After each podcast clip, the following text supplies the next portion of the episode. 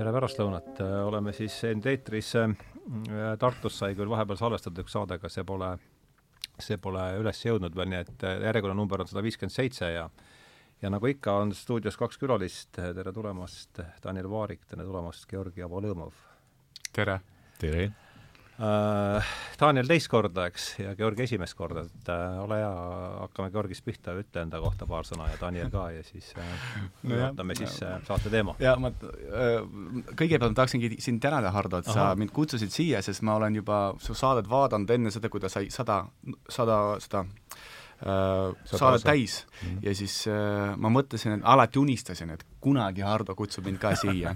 et kui ma olen piisavalt võimas ja tark ja siis lõppude lõpuks äh, Hardo kutsus mind ja täna on selline noh, pidutsemine, pidutsemispäev, et eile mul oli lapse sünnipäev, me panime pidu ja täna vist õhtul ma panen pidu sellepärast, et ma olen siin. aga kõik läbi mõeldud. jaa, me saime siis kokku niimoodi kunagi, meie esimene puude oli siis, et äh, mina olen siis äh, treener ehk siis äh, võitluskunstide treener ehk siis poksitreener, noh, kui niimoodi lühidalt ütelda, ja siis äh, Hardo tuli minu juurde trenni tänu meie kolmandale isikule Daniel Vaarikule, kes istub siin kõrval, vot, ja sellest asjast hakkaski asi pihta, et Äh, jah, et siis ähm, selles trennis siis Hardo Pajala üritas Daniel Vaarikule vastu pead anda ko konkreetselt. jumala valus. sa lähed väga detailidesse. jah, ja siis äh, sellest meie niisugune sõprus hakkaski käima. et see ei olnud niisugune sõprus, mis hakkab nagu sujuvalt niimoodi vaikselt suurema pauguga nagu. aga õnneks on see hea, et noh, jälle, et äh, kuna mul on noh, sellised kliendid nagu Daniel, nagu sina, Hardo, on ju, kes noh, Äh, meeldib mitte ainult, ma ei tea, pumbata lihaseid, vaid ka mõelda, et see ongi siis hea, et noh, et kuidagi, et meil, meid, meid see asi ühinebki, et meil nagu, me arendame ka oma keha, oma tervist, on ju ho, hoolime, kui ka arendame oma vaimu ja üritame nagu targemaks ka saada.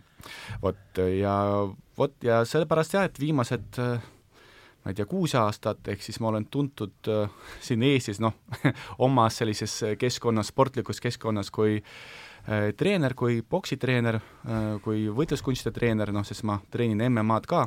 Ja siis noh, klassikalist kick-poksi või tai-poksi või siis kõiki asju, millega saab nagu lüüa mm -hmm. teist inimest, vot ka põlved ja küünarnukid, aga kui kahe sõnaga, siis ma olen jah, poksitreener ja sa töötad ju ka, te, teil on omavahel ka isegi professionaalne ju mm -hmm jah, täpselt, äh, kunagi noh, ma mõtlesin, et ma olen, tahaksin olla, et tõsisemad inimesed nagu sina, Hardo, ja Daniel Vaarik võtaksid mind tõsisemalt et nad nagu näeksid seda, et mul on noh, mitte ainult see oskus kedagi lüüa hea, vaid te olete seda nagu mingil määral kogenud, vaid et mulle noh, meeldib mõelda ka natuke sügavamalt. Ja siis äh, mul oli alati nagu nali, et ma ütlesin Daniel Vaarikule, kuule, et äkki sa võtad mind kunagi tööle, kas ma olen piisavalt hea, et sa võtaks mind tööle. ja siis oligi see asi, et noh, ta ei tea, ta ei tea, ja siis lõpuks ta pakkus mulle seda võimalust, kusjuures ta päästis mind, sest kui kõik saalid läksid kinni koroona ajal, mul polnud midagi teha, siis ma ütlesin Daniel Vaarikule, kuule, et äkki sa nüüd võtad mind siis enda juurde tööle. ja siis ta ütles, okei okay,, et võtan, vaatame, mis sellest saab.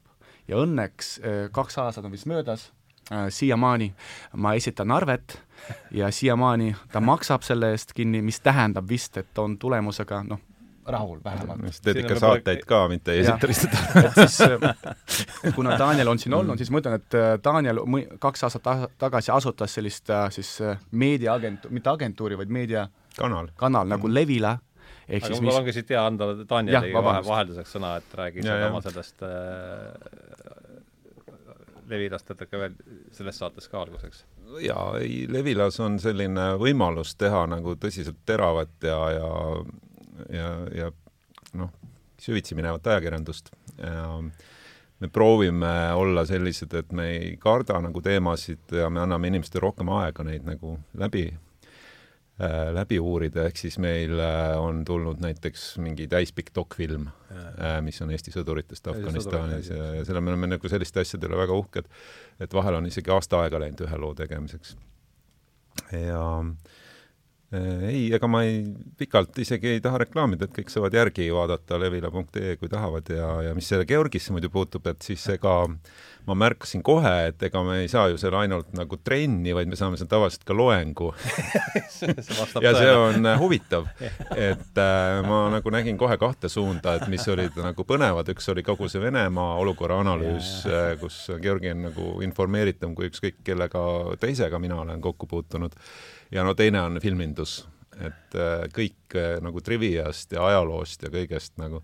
Ja me olemegi Georgiga koos siis teinud, et ta on teinud meile saateid Täna Venemaal ja äh, üks on kusjuures väga põnev, on just töös, et äh, ei, ärme, ärme ette ütle, eks mm, -hmm. aga see varsti tuleb et see tuleb tõsiselt. see oli vist see, millest sa rääkisid vestibüülis või? ja, ja, ja no, see tuleb väga põnev. Undercover jutt. ja, ja, ja, aga et äh, see saab olema kindlasti huvitaval äh, teemal ja ma olen juba nagu teksti nii-öelda lugenud, aga millal see, see saab videos olema või? see saab olema tõenäoliselt selline vestlusformaadis, kus me kasutame hästi palju intervjuusid, mis on tehtud Vene teadlastega mm. -hmm. et äh, Georgi ise on otse teinud, on ju mm. -hmm. et äh, et, et selles mõttes, kui ma neid nagu kuulasin ja siis noh, Georgi natuke nagu programmeeris küll kogu aeg jah, seda, et kuule, et ma tahaks ka ikka võib-olla tulevikus mingit filmi teha või, või mingisugust sarja teha ja ja, ja siis jah, see jutt, ülevõtmise jutt käis küll kogu aeg kaasas, et aga siis ma lihtsalt ühel hetkel mõtlesin, aga miks mitte, kui ta neid teemasid nii hästi teab.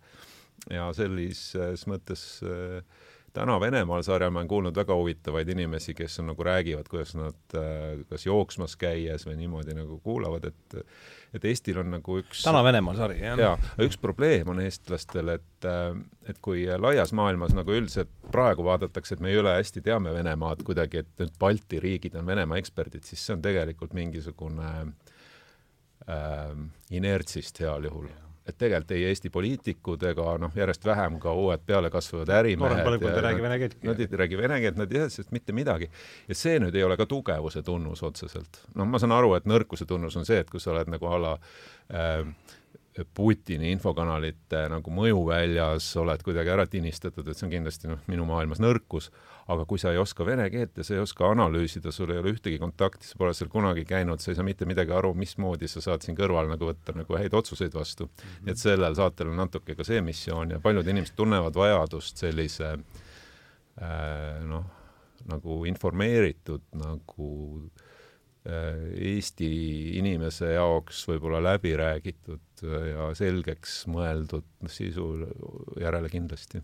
kui palju sul juba on neid seal äh, selles Täna Venemaal sarjas neid äh, see on hea küsimus, ma ei tea, kui palju on, et aga, aga ma ei tea, kindlasti võib-olla üle kümne, aga, aga nad on, nad on enam, nagu jah. päris suured, et selles mõttes nad ei ole nagu, nagu väga väiksed ja et, et seal iga sõna on seal nagu, igal sõnal on seal oma koht, selles mõttes, et noh, ma loen oma teksti sisse, mida ma olen kirjutanud enne, on ju, ja see on nagu natuke võib-olla redakteeritud Danieli poolt ja siis jah, et tavaliselt see on nagu noh, kakskümmend minutit, kes, kuusteist kuni kakskümmend minutit on üks saade niimoodi mingil teemal. ja põnev ongi see, et neid saab nagu tagantjärgi kuulata ja tegelikult nad noh, Need on levinud saidid siis, jah? Nad ei ole nagu otseses mõttes nagu noh, nad ei, no nii kiiresti ei vanane, sest äh, ja. jälle ma lihtsalt kiiresti paar sõna ütlen, et kuna Venemaa ajakirjanduse poolest on väga huvitav riik, ehk siis aga väga keeruline riik, kus ajakirjandust teha, sest see on ohtlik otseses mõttes, aga jälle seal kogu aeg midagi juhtub ja seepärast äh, noh, võib-olla ongi hea näiteks vaadata, noh, kuulata näiteks, toon näide, et Aleksei Navalnõis on ju, mida ma rääkisin temast äh, paar aastat tagasi või poolteist aastat tagasi ja kus ta nagu praegu on mm. -hmm. näiteks noh, ja mõndadest sellisest tüübidest, näiteks see, sellises olukorras või selles olukorras, mis to toimub Tšetšeenias, et nendest nuhtlusest ja kuidas seal inimesi piinatakse, lihtsalt nagu varastatakse ära, et selles mõttes see on nagu kogu aeg olnud ja kuni kahjuks noh, Ramzan Kadõrov on seal edasi olemas, et see toimib ka edasi. et üldse nagu aru saada võib-olla, et hinnata oma elu siin et väärtustada, et kui tegelikult keegi jonnib, et et teate, mul on siin ebaaus elu, ma saan mingi väikse toetuse riigi poolt, et ma olen, ma ei tea, mingi pensionär või keegi veel, siis ma ütlen teile, et kui te uurite, mis Venemaal toimib, siis need asjad ikkagi on seal palju-palju karmimad tihti. ja jah, et ma alati ütlen, et Venemaad, Venemaa poliitikat ongi huvitav uurida kas või sellepärast, et selgitada endale, et kui hea elu meil siin Eestis on vot, et see on, meil on kindlasti hea elu. jaa, aga ma vaata, räägin siis paari sõnaga ka saate teemast, et see viib meid ähm, eelmise, eelmise vestluseni, kui sa olid siin, kui Daniel oli siin koos Janek Uiboga ja, ja ma siis ühel hetkel siin arutasin äh, niimoodi endamisi, et et ma olen mitu korda mõelnud seda, et noh, kui ma midagi kardan, ühte asja, mõtlen, mõtlen millegi pealt, ma kardan seda asja ja siis siis ma olen endale öelnud, et ahah, et kui ma seda asja ei kardaks, et siis ma tõenäoliselt kardaksin võib-olla midagi muud. või noh, tõenäoliselt mitte võib-olla, vaid juba siis kardaksin midagi muud ja ja see tekitab omakorda küsimuse, et mis see siis on, mida ma tegelikult kardan. Ja ma nägin, et Daniel kuidagi reageeris sellele mm, -hmm. sellele mõtte, mõttele ja ja, ja, ja, ja siit tuligi mõte siis kutsuda Daniel uuesti siia ja, ja kuivõrd me siin oleme kolmekesi varem kokku puutunud ja sul on tõenäoliselt võitluskunstides on hirm ja sellega hakkama saamine ka päris oluline teema mm, -hmm. siis sa tundusid mm -hmm. olevat väga sobiv äh, inimene, keda siia kolmandaks äh, juurde kutsuda, et äh, ja lähmegi siit, ega ma ei oskagi rohkem, ma panin saatele töö pealkirjaks Hirmu põhivormid, mis on ühtlasi ka ühe raamatu nimi. raamatu, Franz Riidmann on ta vist, ma täna teda ka sirvisin. jah, ei, Fritz Riidmann siiski, jah on ka siis selle raamatu pealkiri, ma ise lõbu nii kaaneskaanel läbi lugenud ei ole, ma olen mingi jooni, alla, allajoonimisi olin seal teinud, aga aga ega ma rohkem ei oskagi sissejuhatuseks midagi ütelda, et mis ma ei tea, hakkame Danielist, Danielist pihta seekord, et sa tookord sellele mõttele äh, ma nägin, et sa sellele reageerisid kuidagi ja ju ta siis mingil määral kõlas kaasa, et, et võtage siit võib-olla siis mm, teatepulk üle. ma ei, ei, ise ei arva, et ma oleks nagu selles mõttes inimene, kes kardaks rohkem kui teised, aga see, mis sa ütlesid praegu ka, et meie maailm ongi selline, et kui sa äh, et nagu hirm on nagu pidev, justkui kogu aeg on mingisugune tohutu häire mm. -hmm, ja eriti meedias, eks? meedias eriti ja siis äh, jääb nagu mulje, et, et hirm peab olema mm. -hmm. et äh, isegi nagu imelik on, kui sul seda ei ole mm, -hmm. sest et äh, noh, kui sul ei ole nagu mingisuguse haiguse hirmu, siis sul on mingi kellegi kallaletungi hirm äh, siin Eestis näiteks või, või sul on nagu äh, mingi hakkamasaamise hirm, et a la või kuidas lapsed on või, või, või, mingisugune, et mis saab, kui tööd ei ole ja ja, ja lõpptulemusena ongi see, et see muretsemise seisund muutub nagu põhiseisundiks mm. -hmm. ja ma ei tea, et, äh, et, et mulle tundub, et see ka muudab inimest üldse kui nagu, ma ei tea, liiki võib-olla mitte, aga kui eh, noh, ühiskonna osakest, et et kui see vastab ja, tõele, et me, jah, kui, kui näiteks vastab tõele ja seda paljud väidavad, et me kardame tänapäeval rohkem, kuna noh, iga, igas kord on selles hirmuaknas mingi uus hirmus nägu, onju. Mhm.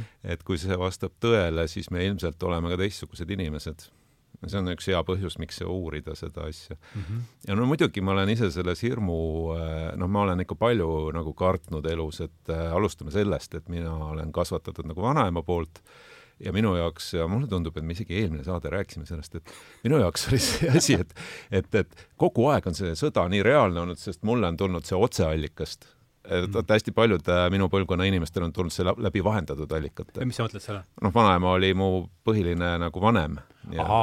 tema oli see, kes rääkis nagu otse, noh, sa tead. tal oli endal sõjakogemus. see oli, see mul oli see, et olgugi, et seal oli äh, minu sünd oli seal siis äh, seitsekümmend kolm, on ju, et seal on nagu mitukümmend aastat vahet, on ju mul oli see nagu nii reaalne ja seetõttu ma olen kogu aeg kandnud nagu seda teemat endas. tähendab, sa viitad sellele, et vanaemal oli endal jaa, viitan sellele ja, ja just, just mm. -hmm. ja, ja et noh, see tundub nagu eile kogu aeg, kui sulle seda kodus niimoodi räägitakse, et see asi on mind nagu läbivalt kandnud läbi selle äh, nagu ütleme, karjääri isegi, ma olen kogu aeg teadnud, et ja, ja et see on nagu ajutine, et sul on nagu mingi rahuseisund, et kogu aeg nagu noh, isegi kui ma midagi kirjutan, ma kirjutasin selle raamatu praktika aruanne, ma siis panin sinna refrääni sisse mingeid asju, kus äh, oli nagu äh, näidatud selle nagu ajaloo rütmilisust, et jälle mingid pommitamised, jälle ehitatakse midagi üles, jälle pommitamine, et meie nagu ajalugu siin kandis on selline nagu nagu mingi sinusoid, et kogu aeg käib see nagu mingi rütm, nagu trummipõrin mm. -hmm. et sa hakkad tulema kuskilt Liivi sõjast ja võib-olla ta ei ole täpselt ühesuguste vahedega, aga noh, laias laastus ta on regulaarne sõda on regulaarne asi meie piirkonnas onju. ja see asi siis võtad selle, et äh, mikrovormis äh, mingisugune sihuke sõda oli mul oma tänaval, kui ma olin nagu, ja ma arvan, et Georgi võib enda tänavast rääkida võib-olla midagi sarnast, ma ei tea. sa, sa ikka Lasnamäe kandis? ei, ma olin Tartust, aga noh, mul oli selline tänav, kus oli kõiki rahvusi, mul oli seal valgevenelased, ukrainlased, venelased ja eestlased, aga mulle tundus, et et laias laastus oli vist nii, et ütleme, kuuskümmend protsenti olid mujalt Nõukogude Liidust ja siis noh, nii-öelda kas tulnud sinna tööle mingitesse tehastesse vanemate lapsed või midagi ja meil oli nii, et äh, ma olin natuke pinge oli õhus ikka? jaa, see pinge oli nagu vahel ei olnud, vahel oli, aga et põhimõtteliselt oli selliseid perioode, kus ma tulin oma tänavale niimoodi, et ma piilusin enne vihmaveetoru vahelt, kes seal tänaval on, ja siis ma teadsin, kas ma lähen üle kuurikatuste puuriitade vahelt tagauksest Aha. ja sellega oli veel selle noh, valikuga oli veel oma riskid, et kui nad siis vahepeal sinna olid liikunud, siis oli täiesti perses. Siis hakati kiusama, nagu no ma ükskord tulin üle kuuri katuse ja siis seal oli, need tüübid olid näinud ja ma piilusin, nad olid seal ees ja siis ma tulin üle kuuri katuse, siis võtad kolks koolikotti järele ja siis vaatad, kõik on seal. aga see ei olnud nagu kohutavalt hull, see oli tegelikult, kui sa võtad, et noh, see ei olnud nagu selline, see oli niisugune noh, väike nagu togimine, aga see oli nagu pidev sihuke ja siis ega, ega see ei tähenda, et nagu vastu ei oleks toginud, samamoodi juhtus vastu ka, onju. et, et mingi hetk ma mäletan, et äh, oli sihuke periood, kus jälle noh, meil eestlastel oli kuidagi see nii-öelda vibe oli nagu üleval ja siis nägid mingisugust seal seda vene poissi Igorit ja ma mäletan küll, ma läksin talle kallale, onju. et ühesõnaga kogu aeg käis sihuke värk aga see oli kohutav kuidagi tagasi mõelda, et sa oma kodutänaval sa oled kogu aeg nagu pinges, onju. ja, ja siis no ütleme, et mitte liiga pikalt rääkima jääda, siis mind tabas natuke nagu veoautona nagu selline emotsioon siis, kui saad esimese ja ka teise lapse, et siis esimesed ütleme poolteist aastat või ma ei oska seda perioodi nimetada, käivad sellised emotsioonid üle pea. uudiseid ei saa vaadata, mingisugune noh kõik sa mõtled, vaatad seda last, mõtled, et mis saab, mis peki, mis saab nagu ja siis sa saad aru ka ühel hetkel, et võib-olla see on ka sinu nii-öelda aju enda nagu ütleme noh, kohanemine ka nagu selle lapse sünniga, et, et sul vallanduvad ilmselt mingisugused ka lisa mingisugused ained või mingid hormoonid või asjad, et sul ongi vajadus seda last ka kaitsta, aga noh, koos meediaga moodustab see sellise nagu hästi haige plahvatusohtliku äh, miksi? Ja no nüüd viimane asi sellest ongi see, et sa ütlesid, üks hirm asendub teist, et see on nagu tõesti komöödia, et kui meil oli mingi Covid ja siis nüüd räägitakse mingitest ahvirõugetest, millest ma saan aru, et need ei levi eriti üldse, kuigi nagu ohtlikul moel, aga kuna seal on juba see slot olemas meedias, et mingi viirus peab kogu aeg olema või mingi, ma ei tea, mis see haigus tekitab, seal on võib-olla mingi bakter, ma ei tea, et igal juhul, et, et see peab nüüd olema, nüüd paneme järgmise, mida me näeme, paneme samas võtmes edasi. kui nagu. ahvirõugad ei sobi, kas leiame midagi ja siis, siis jah, leiame mingi manualis midagi muud. kajaka katku, onju. et, et see on nagu noh, lihtsalt kuskil toimetuses on mingi, oota, mis meil täna on, noh, et selles mõttes keegi ei mõtle enam nagu, et, et lihtsalt see nagu müüb, et, et siis nagu toodame, et, et see mõnes mõttes näitab selle hirmu nagu teist poolt, jah. Ja.. Georgi, mis, mis sina sellest sama sissejuhatus, et sellele võib-olla ja, ja kindlasti, et äh, mul on siis ka natuke võib-olla pikem jutt, et mm -hmm. kui oma, oma niisugusest paradigmist räägin, kunagi ma noh, mul on väga hea ristteema, kes on nagu päriselt ristteema ka, kes hoolitseb minust alates kuue, kui ma olin kuus, ta on ise maleõpetaja, väga niisugune tark naine ja siis me kunagi rääkisime temaga hirmudest ja mm -hmm. mulle väga meeldis see asi, et me rääkisime, et kuidas neid hirme nagu nendest saab nagu lahti mm. -hmm. ja siis me hakkasime midagi rääkima, midagi hüpnoosist, et ja siis ta kuidagi, tal oli ka mingi kokkupuude hüpnoosiga, mis ei olnud nagu, nagu võib-olla kõige positiivsem ja aga siis mõtlesin, okei okay,, aga mis on need lahendused ja siis mulle meeldis väga niisugune fraas, mis minuga nagu jää, elab siiamaani.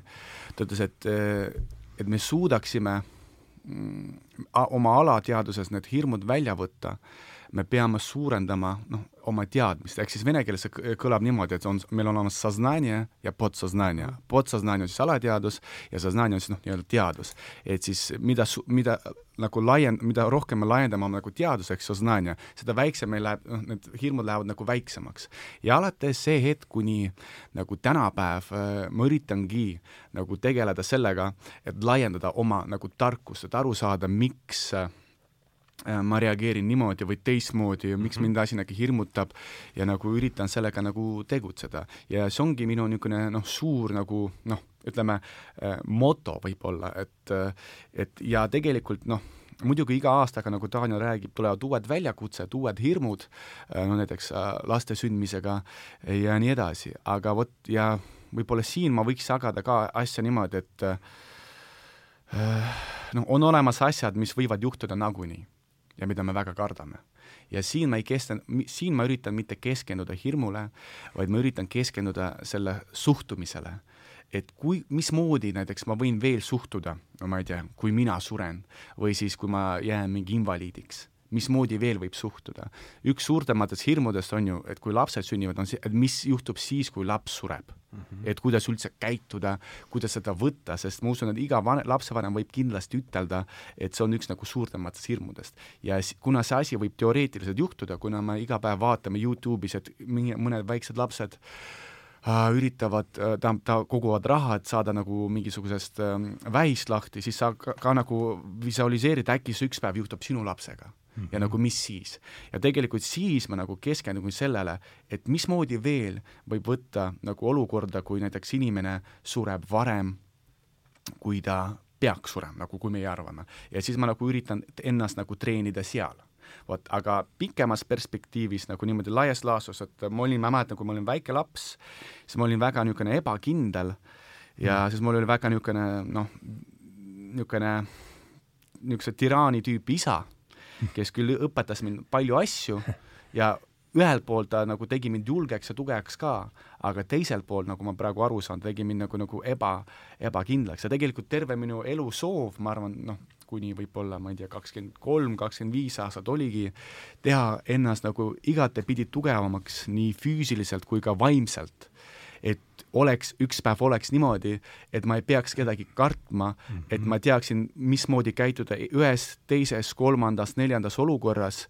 ja nojah, et jõudes selle hetkeni, et seda ohtu isegi ei tekiks, et mismoodi ma pean nagu käituma ja tänapäeval noh, mingis mõttes ma olen nagu nagu väga lähedal sellele, et ma nagu ärkan iga päev üles ja ma olen suht nagu vastupidi, kui ma olin alguses ebakindel, siis ma olin nagu ennem, nüüd ma olen suht enesekindel selles, et nagu vähemalt ma ei tea, et ma olen kindel selles, et ma tean, mida ma räägin, ma tean, ma olen kindel selles, et ma tean, kuidas enda seista või siis mida teha siis, kui nagu võib-olla see noh, olukord ei ole sinu jaoks nagu või, või võidulik, et mida sa siis pead tegema, et ma olen kindel, et kui on vaja, ma võin nagu kaitsta kedagi ka. et kõik need asjad tegelikult, enne ma olin ebakindel nendes ja siiamaani tegelikult minu võib-olla, minu roll ongi olla eeskuju nendele inimestele äh, Äh, kes ko-, puutuvad kokku nende hirmudega. et mhm. näiteks ma kiiresti räägin oma mingis olukorras, näiteks äh, inimene läheb mööda, sa oled mees äh,, sa oled piisavalt tugev, sa käid mingi trenni ja sa näed, et mingisugused huligaanid seal, ma ei tea, kaks huligaani, ma ei tea, üritavad mingit teist mees, ma ei tea, midagi seal varasavad temal midagi, midagi niimoodi. ja siis ongi see tõdehetk mm, -hmm. et kas sa ignoreerid seda, on ju, või siis sa reageerid sellele. ja usu mind, ma olen mitu korda olukorda näinud kus mina pidingi reageerima, sest keegi muu ei reageerinud mm. -hmm. ja, ja aga kõige raskem asi ongi nagu üks mu hea sõber, kes ma ei hakka, kes istub praegu vangis ja võib-olla räägime seda infot ka, see oleks põnevam, oh, et Georgil on sellised sõbrad ja et ta ütles kunagi väga hea fraasi ka, et ära kait-, ära karda, ära kunagi karda kaklust, kui see on vaja, sest sinu, siis sinu haavad äh, taastuvad kiiremini kui su enesehinnang mm. -hmm. vot, ja ma tean, et pa-, et pa-, paljud inimesed, äh, kes nagu teavad, et nad peaksid nagu aitama, aga nende hirm on nii suur, et nad ei aita või ei, ei sekku olukorda, pärast veel võivad, ma ei tea, no kuid või aastaid käia ja siis mõelda, kurat, ma peaks ikka midagi tegema. ja tegelikult see on hulk kliente, kes tulevadki lõpuks minu juurde. Nad mhm. tahavadki mm -hmm. olla need enesekindlad inimesed, aga noh, kõik see algab jälle vana, vana tõdest, et kõigepealt sa pead endale seda asja tõestama, tead, et ma kardan niimoodi ja siis see asi nagu, selles see areng hakkabki pihta. vot, ja võib-olla mina olengi võib-olla noh, tegelikult jah, see, selles nagu teemas olengi see, et treener, et kuidas äh, võidelda oma hirmudega, mitte mm -hmm. sellepärast, et mina ise ka midagi ei karda, ma ka mingi hull ei ole aga sellepärast, et näidata inimestele, et kuidas tulla toime ühes, teises äh, või kolmandas olukorras, sest nagu kunagi siis jah, Edmund Burke'i selts ütles, on ju, et see, et äh, kurjus nagu võidaks, on ju, headele inimestele on lihtsalt vaja mitte midagi teha. seda ütles lausa Pöök ise. vot täpselt ja sellest ma räägingi, et et, et jaa, et mulle, mulle see fraas kunagi väga meeldis, tähendab, ma teadsin, on olemas Edmund Burke'i selts ja siis hiljem ma siis lugesin, vot tema ütles sellist fraasi, siis mõtlesin mm, -hmm. oi issand jumal, et see on ju nii äge, et Hardo just panigi oma saate noh, nii-öelda või oma seltsi nimeks panigi Edmund Burke'i seltsi, et kuidagi see asi klapib kokku. et jaa, et nagu võib-olla noh, see on siis minu niisugune leitmotiiv, et äh, miks ma üldse nagu tegelengi nende trennidega, et, et anda tegelikult rohkem ja et inimene oleks lihtsalt tugevam, et rohkem, et inimene oskaks lihtsalt lüüa kedagi või nagu, et ta annaks nagu seda julgust, et kunagi, noh, kiiresti veel räägin ka, et on üks selline äh, sotsio-, sotsioloog, kes on praegu Grigori Judin, kes nagu sai väga kuulsaks, Grigori Judin, jaa. ta sai väga kuulsaks, kuna ta on üks nendest, kes avalikult jäädes Venemaale räägib noh, sõjast, et see on sõda Ukrainas, ja mulle meeldis väga ta fraas, mida ma ka praegu nagu iga päev nagu kasutan, võib-olla veel julgemalt, et ütles, et tee, mis, tee seda, mis sul on vaja teha, las olla see, mis on, noh, mis tuleb. selles mõttes, et kui sa tunned, et sul on nagu vaja midagi teha, sa see, siis sa pead seda tegema, tee, et ära karda ja siis noh, tavaliselt äh, see lõpuks viib kuhugi pigem nagu heale poolele, kas teiste inimeste jaoks või ka enda jaoks, et siis kindlasti sa avastadki enda jaoks midagi uut enda sees ja tihti sa saadki mingisugusest hirmust ka üle mm. -hmm nojah, aga kui me nüüd vaatame jah, et need see kogu aeg, eks nagu sa ütlesid ilusti, hirmuaknas on kogu aeg mingi, mingi tont, et aga et kui me hakkame vaatama sealt noh, need, need hirme võib seal noh, tõesti ahvirõuged, koroona, sõda, aga et no mis seal siis lõpuks allpool on, ilmselt on surmahirm, eks, enda enda või lähedaste, kus see lõpuks ikkagi läheb? pigem ikka alati vist on mingi kaotusega see seotud, jah. kaotusega, eks ole, jah. või hirmuga kaotada. ja valu ilmselt ja valu saada, jah ja.. põhimõtteliselt võib-olla ongi ainult Ma... kaks asja lõpuks jäävad. no mulle tundub jah, et kas on jah, kaotus, jah. aga võib-olla no, isegi kaks mõtet kohe tekkis siit, et Äh, on olemas ju ka igasugused nagu kriisiteooriad, mis ütlevad, et äh, inimesed, äh, nende vaimne seisund saab kannatada kõige rohkem, kui nad ei saa üldse midagi ette võtta olukorra vastu. no see on natuke see, mis Georgi ütles, põhimõtteliselt see võib olla ühe isiku tasemel, et ta näeb midagi juhtumas ja ta ei Võimet, tee midagi. võimetuse tunne, jah. võimetuse tunne ja see võimetuse tunne on see, mis sulle hiljem kogu noh, ma olen hästi nõus selle sinu sõbra ütlusega, et ta võtab sul hiljem sööb sind seest võib-olla surmani, mis oleks olnud, kui ma oleks ikkagi teinud midagi või aidanud. aga teine ots on see nagu ühiskondlik ots, et kui ühiskonnas on mingi suur risk üleval, et siis äh, üldiselt äh, vist universaalne, peaaegu alati toimib äh, mingil moel leevendavalt see, kui inimestele antakse nõu, mida nad üldse teha saavad ja nad hakkavadki tegema seda et no mõnes mõttes hea näide on ikkagi õppused, mis meil praegu olid, noh, nagu see õppused Siil, et inimesed käisid ja nad mängisid läbi ja nad said aru, kus on minu koht, mida ma saan teha, onju. Mhm. aga on ka igasuguseid muid asju, et noh, isegi kuni selleni, et et mõned väga suured müütilised sellised eh, riskid on nagu näiteks tuumasõjarisk, onju et mm -hmm. siis, äh, kui inimene ei tea üldse midagi, mida teha, kui tuumaplahvatus on, äh, siis ta kardab seda nagu nii paaniliselt, et ta on halb, halvatud, aga põhimõtteliselt noh, tegelikkuses seal on mõned asjad, mida saab teha ja on asjad, mis võib-olla ei aita sind, aga, aga isegi võib-olla natukene aitavad. et noh, ma ei hakka neid loetlema, aga noh, mõned, mõned asjad on, et kuidas kaitsta ennast radioaktiivse tolmu eest, et kui sa juba seda tead, tead juba, mida kleepida kinni kus olla, kuhu liikuda, et, et siis sa juba oled vaimselt äh, kuidagi paremini ette valmistatud ja sa ei lähe nagu hulluks mm. -hmm. et see on selle asja mõte, et sul on nagu äh, isegi kui see on väike asi, aga seda teevad nagu paljud inimesed korraga äh,, sa tunned juba, et sa teed midagi. ja no suures plaanis on seesama Ukraina sõda praegu, et äh, et kas sa jääd halvatult ootama või äh, ka siin Eestis, et kas sa jääd nagu halvatult uudiseid scroll ima või siis sa mõtled, et kas ma saan midagi teha, et kas ma saan näiteks äh, alates sellest kuskile raha kanda, kas ma saan võtta kedagi aidata kuskil Äh, väga huvitav on see autode saatmise projekt, kus äh, paljud inimesed saadavad äh, noh, ühiselt siis igasuguseid kastiautosid ja mikrobusse, igasuguseid noh, kaitseotstarbelisi, kaitseotstarbeliseks kasutamiseks, aga tavalisi tsiviilautosid mõnes mõttes.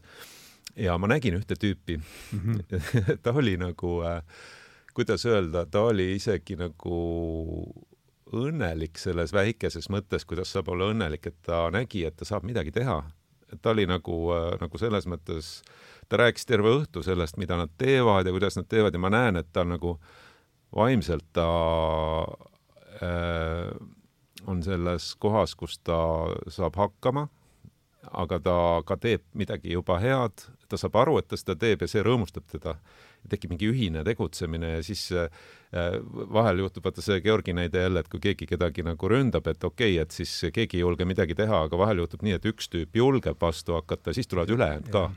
ehk siis selgub, et paljudel oli see tunne, aga see üks äh, avas selle ukse. nii et see väike võimalus ise midagi teha või tegemata jätta võib lõpuks olla selle nagu vaimse no, tervise mõttes väga tege, suur. just tegevus jah, et, et kui see et see, ma arvan, et ja. ma ei oska, ma ei ole nagu nii tark, ma ei tea, et võib-olla seda tundub usutavalt, ega võib-olla see on ka mingi asi, tegevus võib olla ka ütlemine, aga või, või mingi noh, näiteks Navalnõi enamasti ta ütleb midagi tema, tema tegu ongi sõna, eks ju, sageli. Mhm. no ta teeb ka tegelikult, sest no kui noh, võtame Navalnõi otsa, sest ja. ta oli ainuke mees, kes siis noh, teades, mis kõike temaga juhtub, tuli mm. tagasi Venemaale mm. ja kõik opositsionäärid, kes samamoodi ütlevad midagi sarnast nagu Navalnõi, aga nende aktsiad ei ole nii kõrged nagu Aleksei Navalnõi hind, sest ta tegi just seda ja seepärast keegi ütles, et ta ei peaks tegema või tulema, aga noh, jälle, Vladimir, noh, tema nimi on vist ainuke, keda Vladimir Putin ise ei taha nimetada ja ütleme niimoodi, ta on praegu sellises positsioonis või seisus, et kus ta üldse praegu on, ta on Venemaal ikka, eks ole? jaa, vangis, vangis jaa, et noh, et teda ei tohi tappa ka nii-öelda, et ta nagu tänu sellele, no ma, ma, kui ükskõik mis opositsioon opositsionäärid me ei võtaks peale Aleksei Navalnõit, kellelgi ei ole, ütleme, niisugune puut-, ta on küll vangis, aga ta peab elama, selles mõttes, et kuidagi niimoodi on. mis sa, kauaks ta pandi kinni? üheksa aastat veel. aga võib-olla see üheksa lisati juba veel millelegi, ma ei tea. nojah. aga igal juhul meil kaua oli... Hodorkovski ära istus? See oli ka mingi kaheksa-üheksa või? no midagi kümme või peaaegu ah, kümme, jaa mm. -hmm. aga me tegime ju täna, just panime üles nagu, kus äh, võtsime selle kahekümne neljandal mail, eelmine nädal oli siis Navalnõil oli järjekordne kohtuistung, kus ta pidas järjekordse viimase kõne, nii-öelda lõppsõna anti talle siis justkui selle öelda. ja me lasime siis selle tõlkida ja Märt Avandi on siis nagu äh, see Navalnõi ja Inga Salurand on kohtunik me tegime lihtsalt siin kiirkuuldemängu nagu. ja siis ma täna veel kuulasin seda üle ja mõtlesin, seal on, selles kõnes on nagu üks niisugune vaimustav tsitaat, see enam-vähem alguses, et et seal oli see probleem, et eelmine kord, kui tal oli see kohtuskõne, siis istus üks major ja iga kord, kui äh, Navalnõi ütles sõna sõda, siis see major vajutas mikrofoni kinni, nii et see, mida ta pärast sõda ütles, seda ei kuuldud ja seda juhtus ta kõne jooksul mitu korda ja siis Navalnõi räägib selles oma uues kõnes, kui närvi see teda ajas mm. -hmm. aga siis ta mõtles, et teil on ju kõik see võim, teil on sõjavägi, teil on need ajakirjanikud, kes teil nii-öelda taldu lakuvad, onju, teil on kõik need asjad, aga te kardate mind lihtsalt vangi nii palju et ei lase mul isegi tervet juttu ära rääkida. ja vot see on nagu hästi huvitav nagu mõte, et ta on mõnes mõttes, noh, ta ei ole lihtne vang, aga, aga mõnes mõttes ta on ikkagi vang et kui äh, see aparaat äh, tunneb ennast nii ebakindlalt, et üks inimene mhm. nagu isegi tema, tal ei lubata isegi kõvasti rääkida, sest äkki, äkki juhtub midagi, et see näitab, et see ühiskond on nagu niisuguse meeletule hirmule rajatudki. ja kui siis on keegi, kes siis tõuseb püsti ja ütleb, et ma ei ole sellega nõus, väga huvitav efekt nagu. noh, muidugi mm -hmm. sa riskid oma eluga kohe. see on see teine probleem seal ütleme nii mm. -hmm mis süüdistuse ta sai üldse, mis ta, see pettus ta... ja, ja laim mm. -hmm. kelmus ja laim, sorry ah,. kelmus ja laim. ja ma ei tea, mis see kelmus seal oli ilmselt.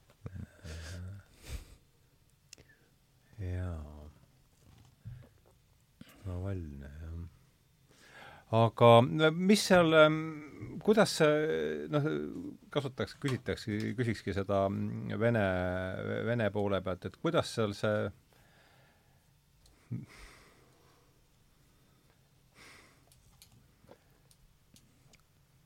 mis on see, ütleme, see tänava olukord või et räägitakse, et seal võiks midagi no küsiks siis niimoodi, et mis on üldse Putini vastase mingi opositsiooni sellised võimalused praegu või et kuidas sina seda tunned? no jälle, kui et... võimalused ongi seal sellised, et kui see noh, mul enne sõda oli selline teooria mm, -hmm et eh, noh, kuna mul kogu aeg ütlen, mulle väga meeldib ajalugu, mulle meeldibki ajalugu, et ma olin päris hea koolis selles, et mul oli, tegin riikliku eksami, mis oli ka nagu väga kõrgelt, palju, et ma mäletan lihtsalt meie kooli ajalootunnidest, et Esimene maailmasõda. Mis seal oligi, et eh, noh, et siis Nikolai Teine seal läks appi või siis noh, ütleme, et hakkas siis Esimeses maailmasõjas osalema ja seal oligi see asi, et eh, need paljud sõdurid ei näinud põhimõtted selles sõjas lõppude lõpuks. ja siis tulid tagasi, siis nägid, et noh, et et miks me üldse võitleme ja siis tegelikult needsamad sõdurid koos relvadega hakkasidki nagu noh, pundideks minema ja siis hakkasid opositsiooni pool toetama. ja siis ma ütlesingi, et kõik alguses kartsid sõda ja siis mõtlesin, aga ainuke variant, kuidas Putin üldse nagu ära saab minna kiiremas ajas. sama asja. ja et see asi nagu korduks, et kui nagu see noh, mõttetuse nagu ma ei tea, see protsent on nii suur, et lihtsalt, et needsamad inimesed, noh, kes tulid sõjast tagasi, no kas ka emad, kes ütlevad, et meie lapsed on surnud, noh, või need sõdurid, kes tulevad tagasi, enam ei suuda nagu seda asja nagu toetada. Aga me, me loodame jälle, et nendel nagu mõistus ja siis need nagu kuidagi ühinevad ja siis nad hakkavad nagu, nagu vastu toimetama. Noh, see on, see on nagu minu nägemine mm, -hmm. sest äh, nagu ma eelmine, just mul tuli siis äh, just viimane podcast oligi, selle asja nimi oligi Impeeriumi lõpp kus, mis koosnes kahes osas, kus ma siis räägin, esimene asi oli siis Putinist, kuidas ta üldse tuli maastikule, poliitilisele maastikule, ja siis äh, teises osas ma räägin nende inimestega, kes on näinud päriselt Vladimir Putinit ja mis on nagu nende niisiis nagu mulje, üks oli, oligi Daniel Vaarik, teine oli Siim Kallas. sa oled näinud või? jaa, aga ja. põgusalt, ma räägingi, kuidas see oli põgusalt. ja, ja, ja siis kolmas oli siis mu isa, aga mu isa ei näinud Vladimir Putinit, mu isa oli see inimene, kes alguses oli väga inspireeritud Vladimir Putinist ja pärast ta, ta, ta arvamus muutus ja kuna no, millal? no, äh, no vot ah,, tema räägib Ätu... seal, et, et see on nagu peale seda Kursk allveelaeva uppumist. Ah,. aga miks, miks mu isa on, on seal ka, et mu isa tänapäeval on põgenik, ta pidi põgenema Kiievist ja on praegu Poolas et selles mõttes ta on otseselt nagu selle konfliktiga nagu noh äh,, nagu seotud nii-öelda, et, et jaa, nüüd ta sõidab Poolas äh, Bolti, annab toitu. No. enne mängis teatris äh, Kiievis, nüüd sõidab Boltis, Poola Boltis ja annab äh, toitu, nii, niimoodi see ongi. Ja tema laps, noh, ehk siis minu poolvend peab õppima Poola koolis ja nii edasi, et see oli nagu huvitav, et äh, ma küsisin, mäletad isa, et sa mäletad, ütles, et Putin nii kõva tüüp oli nii õnnelik, kui ta tuli. aga paljude jaoks tuligi välja, et oligi niisugune võrreldes Jeltsin. ja siis jah, et mina arvan, et jaa, et kui see siis, nojah, see selle impeeriumi lõpu see leitmotiiv ongi see, et ma toon siis sellise tsitaadi, et iga impeerium on alati hävitanud seesmiselt, mitte ja. väljaspoolt. ja ma arvan, et see asi peabki juhtuma seal Venemaal, millal see hetk tuleb, nagu alati, keegi täpselt ei tea. aga ma usun, et me oleme äh, väga-väga lähedal, sest nagu kui see Nõukogude Liit lagunes, see oli ka suht ootamatu ja järsk. niimoodi, et asi niimoodi hakkas nagu tulema.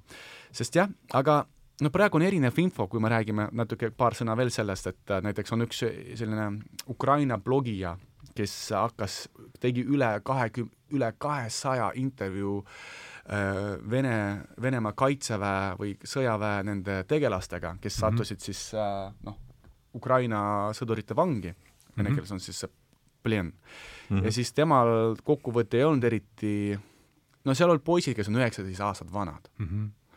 ja siis noh, et nende peas eriti palju ei ole üldse mõistust või arusaamist ja teine kurb asi on see, et kui nad, ta rääkis, et olid olukorrad, kui nad koos helistasid näiteks selle sõduri emale, siis, ja siis see sõdur ütleb, kuule, et ema, et meil ei ole siin päriselt nii, nagu seal telekas asju räägitakse, siis ema umbes ütleb, kuule, ei, ei, et poeg, mida sa räägid mulle, siin ju telekas ju on see, see on see õige info, et ära, sul on mingi valeinfo, mõtle. et ütleme niimoodi, et need regioonid, kus see haridus ja kus see info äh, puudus on suurem, objektiivse info puudus on suurem, noh, tegelikult haridus äh, õpetabki tarbida informatsiooni objektiivselt minu mm. arust, vot, ja see minu arust on sealt kaugemates eh, kohtades on sellega rohkem probleeme, et need inimesed päriselt arvavadki, et Ukraina on kusagil, noh, jälle, Venemaa on suur, et Ukraina on kusagil siin meie juures pigem, on ju, seal mingi, ma ei tea, Vladikav-, Vladikavkaz, Vladivostok, mingi kusagil seal Siberi, Siberis, inimesed lihtsalt mõtlevad, ah, et mis seal ikka seal Ukrainas, seal vist ongi nii, et me ei saa ju kontrollida, me ei saa seal kohe käia, näiteks nagu meie Ukrainasse.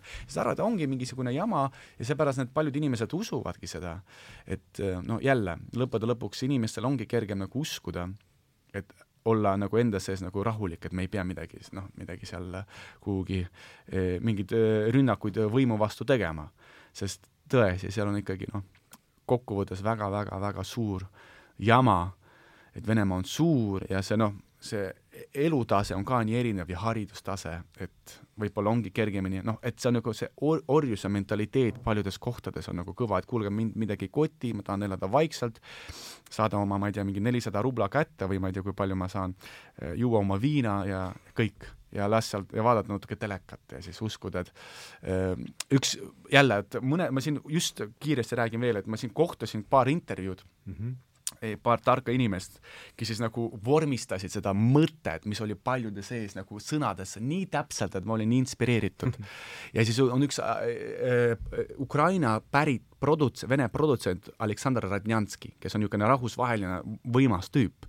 ja siis äh, ta enne elas enamus aega äh, Venemaal ja siis ta mhm. läks Ukrainasse ja siis jäi, kui sõda algas, siis ta jäigi sinna ja hakkas siis äh, noh, kirjutama sõjas, et see on sõda. ütle nimi palun. Aleksandr Radnjanski.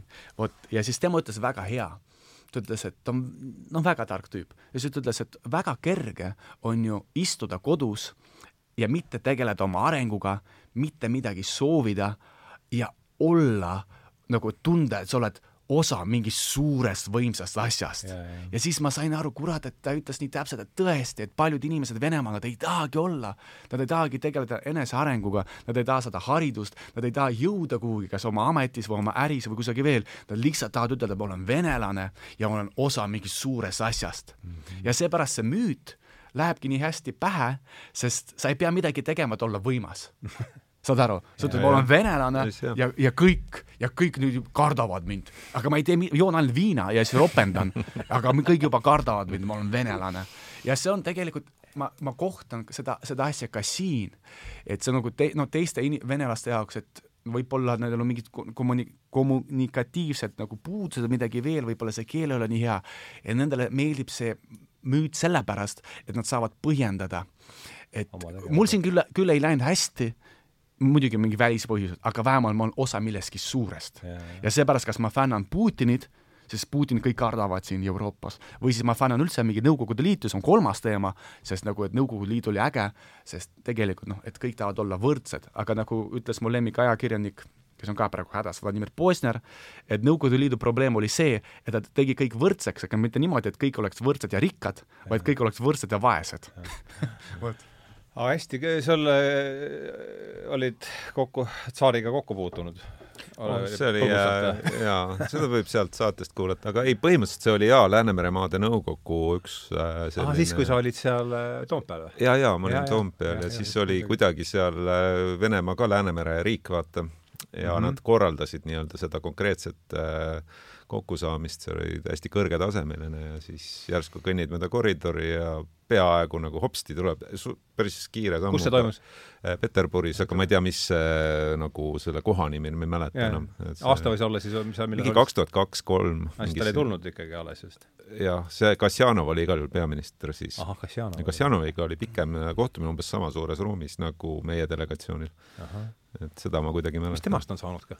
Tast sai vahepeal opositsionäär. jaa, ta oli, kusjuures ta tuli siin hiljuti mingi Eho Moskvõi, kui see oli veel üleval, ja siis ta andis niisuguse intervjuu, et ma kuulasin, et ma mõtlesin, kuradi tark mees, tahaks temaga mm. intervjuud teha, sest ta pole palju kaua olnud nagu mingi sellel noh, maastikul üldse üleval ja siis tegelikult praegu eesmärk ongi leida noh, rohkem ja rohkem neid kontakte, kes siis äh, kes siis on siis Venemaast, aga kes noh, on neid aegu mäletanud ja teadnud, et saada siis nagu rääkida otseselt kas Janov on ikkagi Venemaal praegu? ei, ma ei, ma ei, ma ei tea tegelikult, see on hea Mina küsimus, et me ei hakka, jaa, aga selles mõttes, et see on nagu minu isikliku kui täna Venemaal podcast'ide autori eesmärk, et saada nagu isiklikke kontakte. tasapisi need tulevad, mitte nii kergelt, aga no jälle, äge on rääkida inimesega, on ju, kes isiklikult on Putiniga töötanud, on ju. võtab aega, aga kuidas see, kuidas see tsaariga kohtumise lugu seal edasi läks siis, et läksid äh, ja mul on nagu see teooria, et tegelikult äh, iga inimese puhul, kui sa oled kas või korraks teda näinud, sul tekib mingi väike lisanurk. ma olen tegelikult näinud Bill Clintonit, George W Bushi, Donald Rumsfeldti ja igasuguseid tüüpe, onju. Mhm. ja, ja ma ei tea, mis see on, aga see on nagu midagi sellist, mis ei ole nagu läbi ekraani, ei ole päris sama oh.. sa näed, kuidas ta pilk käib ja siis näed, kuidas ta žestikuleerib ja no nii edasi aga ma noh, ei ma tähtsustaks seda kohtumist nagu üle, aga kuna Georgi seda kuulis ja kutsus seda nagu põgusat asja seal nagu lahti rääkima ja siis me saime sealt sellest juba muid teemasid rääkida, et et siis see tuli nagu jutuks, jah. Ja et kui me nagu võime kasutada seda ruumi, siis mõtleme, et äh, täna Venemaal podcast, et siis impeeriumi lõpp on selle osa nimi, et kui kellelgi on huvitav, mis Siim Kallas kohtu-, Puti-, ja Putini äh, kohtumisest ta arvas üldse Putinist ja ta on kohtunud ka Putini sõbraga, Sergei Ivanov vot kes on ka luurest, äh, äh, kes on ka praegu mingisugune minister seal, et siis ta räägib päris huvitavalt ja, ja impeeriumi lõpp on siis impeeriumi lõpp, jaa, jaa, täpselt, ja seal on kaks osa. et äh, päris huvitav. Ja tegelikult jälle kiiresti räägin, et kuna ma olen Vene maa, noh, Vene kultuur, veel kultuuriruumist pärit, siis tegelikult ja kunagi me mõtlesime, et kõik see Nord Stream on jama ja et, et me ei pea NATO-sse minema, et aga tegelikult äh, rääkides siis Siim Kallasega ja siis Daniel Vaarikuga, tegelikult nad nägid seda ohtu, et me oleme kunagi kunagi selles hetkes, kus me täna oleme või, või, või kus Ukraina on täna, on ju, kui meie astuks NATO-sse, võib-olla meie oleksime täna selle mm -hmm. Ukraina asemel, et nad räägivad siis, mis olid need põhjused või märgid, et miks äh, siis äh, Venemaa hakkas juba sinnapoole minema. ja kui kellelgi on huvitav, siis noh, et see, see, need jutud on seal ilusti olemas ja mina sain ka palju äh,, palju targemaks ja mul oli, tekkis palju rohkem inspiratsiooni, et kui alguses ma mõtlesin, et, et need Eesti poliitikud teevad mingi jama, et nad nii kardavad Venemaad, siis tänapäeval ma saan aru, et tegelikult need olid väga targad inimesed, kes mm. neid, kes neid otsuseid nagu tegid. sa tahtsid öelda vahele? ei, mulle tunduski, et tol ajal oli see reaalne nagu analüüs oli igal pool sama, et, et see ei olnud mingi ühe inimese tarkus, vaid üldiselt äh, oli hästi suur grupp inimesi, kes kõik tegutsesid ühe asja nimel mida Lennart Meri oli ka umbes sõnastanud niimoodi, et ega need aknad, mille jooksul, mis on avatud, on avatud ainult korraks mm -hmm. liikuda Euroopa suunas. see on see Bolšerovitši erakordsed, erakordsed võimalused. jah, ja see oli, selles oli tal õigus ja noh, Eesti eh, kuidagi suutis mobiliseerida ennast, et nii kiiresti nagu liituti ja tõmmati tegelikult, ma arvan, me olime eestvedaja isegi Balti riikide mõttes, on ju. et väed sealt üldse välja saadi. et väed üheksakümmend neli vist välja saadi et ühesõnaga, see käis hästi kiire ja üht mitte nagu ma ei ülista mingit ühtset mõtlemist, aga, aga lihtsalt ühe eesmärgi nimel ikkagi hästi palju inimesi tegi tööd sedasi, et nad teadsid, mis on kaalul. ja minu meelest see lõppeski täpselt sellel hetkel ära, kui see eesmärgid nagu mõnes mõttes saavutati nagu kõige viimane asi, siis põhimõtteliselt nagu NATO-ga liitumine. aga ma ei hala nagu seda taga, ma lihtsalt ütlen, et vahel ongi, mõned asjad on selged mm -hmm. ja siis tuleb nende nimel, on nagu rõõm, kui äh, suudetakse ka tegutseda. aga kui vahel haruldane see ikka tagantjärele tundub. aga palju äh, keerulisem on nagu niisuguse rahu ajal kus, mis meil siis tekkis, see nullindate teine pool, kus mm. tegelikult tundus kõik Indrek Neiveltid ja käisid ja nagu rääkisid, et mis, mis te räägite, et Venemaa ei ole ju ammu enam mingi oht, onju. see oli nagu, ta kogu aeg rääkis seda. no kui see Medvedjev tuli lavale, siis võib-olla tunduski niimoodi. jah, aga et, et siis, siis samal ajal kadus meil nagu see suur hirm ära ühest küljest, ja, ja siis me hakkasime tegelema mingisuguste väikeste ja, ja selliste tillukeste asjadega ja tegelikult ongi kunst, kuidas nendega tegeleda nii, et sa teedki tegelikult igapäevaelus äh, oluliselt palju head, et sa saadki nendega tegeleda, aga jäi igatsus mingite suurte vastasseisude vastu. Mm.. minu meelest siis hakati neid nagu leiutama. Mm ja, ja, ja sealt tekkisid igasugused sellised, et noh, tegelikult e-, parteidele näiteks meeldib, kui on suur vastasseis ja suur hirm kuskil. et selle ümber on palju lihtsam mobiliseerida kui see, et kuidas me saaks valdades näiteks mingid koolid paremini tööle, no päris keeruline, midagi nagu nii suurt justkui nähtavalt kaalul ei ole hariduse puhul probleemid ilmnevad alles kakskümmend aastat hiljem, onju. et, et see, seega hirm kui mobiliseerija, kui me saate ikka masside ja, ja masside suunamisel, nagu just. me siin kahe aasta viimane ko kogemus näitab, on ikkagi just, ja siit me jõuame sinna, et äh, äh, hirmu põhivormid äh, justkui äh, mõnes mõttes võiks selle pealkirja alla minna see, et äh, et teinekord isegi unistavad, ma arvan, poliitikud ühest korralikust suurest hirmust ja, ja saaks ainult siis mobiliseerida selle hirmu ümber inimesi, siis tähendab seda, et sa saad ise seal ka silma paista. ja ma mäletan, et mõnedel poliitikutel oli ma arvan, neil oli kuskil mingi pressiteade valmis kirjutatud kuskil, et näiteks ma ei tea, Tunne Kelami büroost seal kuskilt Euroopast tuleb äh, pressiteade, mis algab alati sõnadega tunne, kelam hoiatab et äh, kuigi enam ei olnud selliseid ärevaid aegu, siis äh, temal oli alati see nagu, kuidagi see retoorika oli selline, et, et sa näed, et noh, tahetakse nagu mingit asja nagu jälle nagu suurelt näidata ma täna just mõtlesin, mis sest, mis sest Medvedjevi nimi käis siit läbi, mis temast üldse saanud on, ta on Aa, kadunud ära pildilt? joob või? joob, joob jaa, ta joob ja siis Twitteris tihti paneb mingeid naljakaid asju välja, et kus ta mm. räägib, kuidas me võidame ja nii edasi, et selles mõttes ta hakkas väga ah,, vabandust, et ta hakkas väga selliseks, e, väga hakkas nagu agressiivseks olema Twitteris, et tal on vist väga palju aega, e, vaba aega ja tal noh ta on partei juht praegu, ma vaatasin üks päev ära, et ta on mingisugune, oli julgeolekunõukogu mingi aseesimees ja part-, midagi sellist jaa, et tal on vist palju aega ja siis noh, mõned niisugused noh, insiderid, kui seda, neid võib usaldada, ütlesidki, et no Medvedjev läks tahaplaanile üldse kõigepealt sellepärast, et ta jõi, jõi liiga palju et näiteks noh, et ta ei, et ta ei saanud jälle siis, ah noh, jah. see on niisugune kolakas, mis käib seal ringi siis, jah? ja, ja see on see täpselt. No., ja, ja siis noh, ta vist noh, ikkagi noh, kui keegi on näinud äh, filmi, Navalnõi filmi On vam Nidimon, siis keegi ju saavad aru, et mis mastaabiga tal need hooned on ja ma usun, et seal on kindlasti väga mastaapsed veinikeldrid muud asjad, et tal on, et noh, selles mõttes, et ma arvan, et kui mingi tuumasõda hakkab pihta, siis tal on kõik need kohad olemas, mitu aastaks toitu ja jooki ja muid asju, ei päriselt, päriselt, mhm. et kõik ju vaata, ta on, et Dmitri Medvedjev on väga visuaalselt sarnane nagu Nikolai Vtoroi, nagu Nikolai Teine.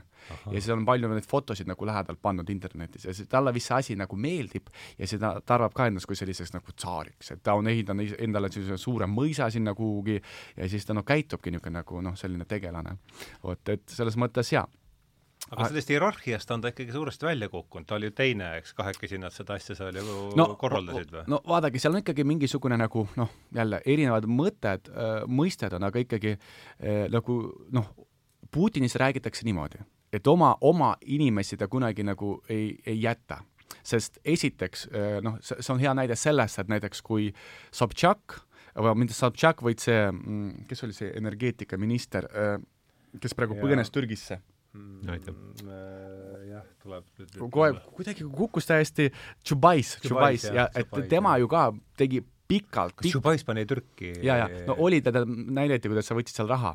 praegu vist on, keegi ei tea, aga võib-olla teavad, võib-olla mina ei tea, aga oli see asi, et Tšubais tegi pärast sõda nüüd pani Plehko või? jaa, et mm -hmm. väga pikemad nagu mingid mõttetud tööd ja siis kõik küsisid, miks see Tšubais on ikka seal või seal või seal ja siis no selgitus oli see, et Vladimir Putin hoiab oma inimesi, sest ja alati toetab, sest kunagi just Tšubais äh, esitas ehk siis äh, Jeltsini administratsioonile Putin kui väga hea töötajat ja see oligi see võtmehetk, kui siis, äh, kui siis jah, kui siis äh, Putin siis kohtus, noh, kõigepealt kohtus selle äh, Valentin Jumašev, kes oli siis äh, see administratsiooni ja täpselt. ja siis ta kohtus tänu sellele siis juba Jeltsiniga siis ta niimoodi, et see on niisugune võtmehetk ja Medvedjev oli siis üks tüüp, kes äh, oli selles ähm, äh, Sobtšaki, Anatoli Sobtšaki selles nagu štaabi sees, kui ta käis mingid poliitilised kampaaniad, kleebis mingeid asju, et siis pärast Putin tuli ka sinna. ja seepärast ma arvan, et sellest ajast, et Putin hoiab ka Medvedjevit, ta võib-olla ei ole nagu enam seal, ei otsusta nii palju, aga ikkagi ta on niisugune, tead, siin kohe kõrval, et kui on vaja abi, et see on nagu minu mees selles mõttes, et ta on ikkagi üks lähedamatest nagu emotsionaalselt ikkagi, ma arvan, üks lähedamat, lähestamast. millal, millal sina, Daniel, viimati Venes käisid?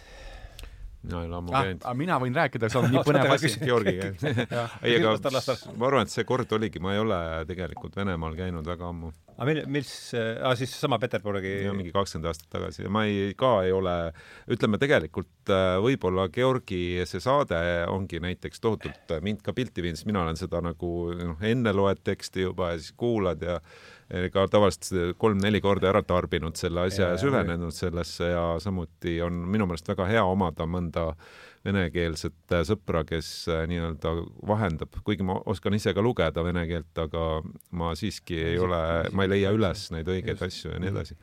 et, äh, et see ka ei ole. Aga kui rääkida veel hirmudest erinevalt, jättes selle Venemaa korraks kõrvale, onju, et äh, mis puudutab siis võitluskunste, et äh, et noh, kujutad ette, et ma olin neljakümne kahe aastane, kui ma alustasin poksitrennis käimisega. enne seda neljakümne kahest ma alustasin kõigepealt tegelikult mingist asjast, mis oli mulle äh, sul pole võitluskunstidega mitte kunagi. ja mul oligi see nali oligi selles, et äh, noh, tundus nagu täiesti ebarealistlik, aga siis ma käisin ühe sõbraga jooksmas ja siis ta, no rääkisin, et tegelikult ikka nõme, vaata, üks asi jäi elus nagu proovimata nagu mineviku vormis kuidagi. Et noh, see neljakümne kahe aastased nagu hakkad tegema seda.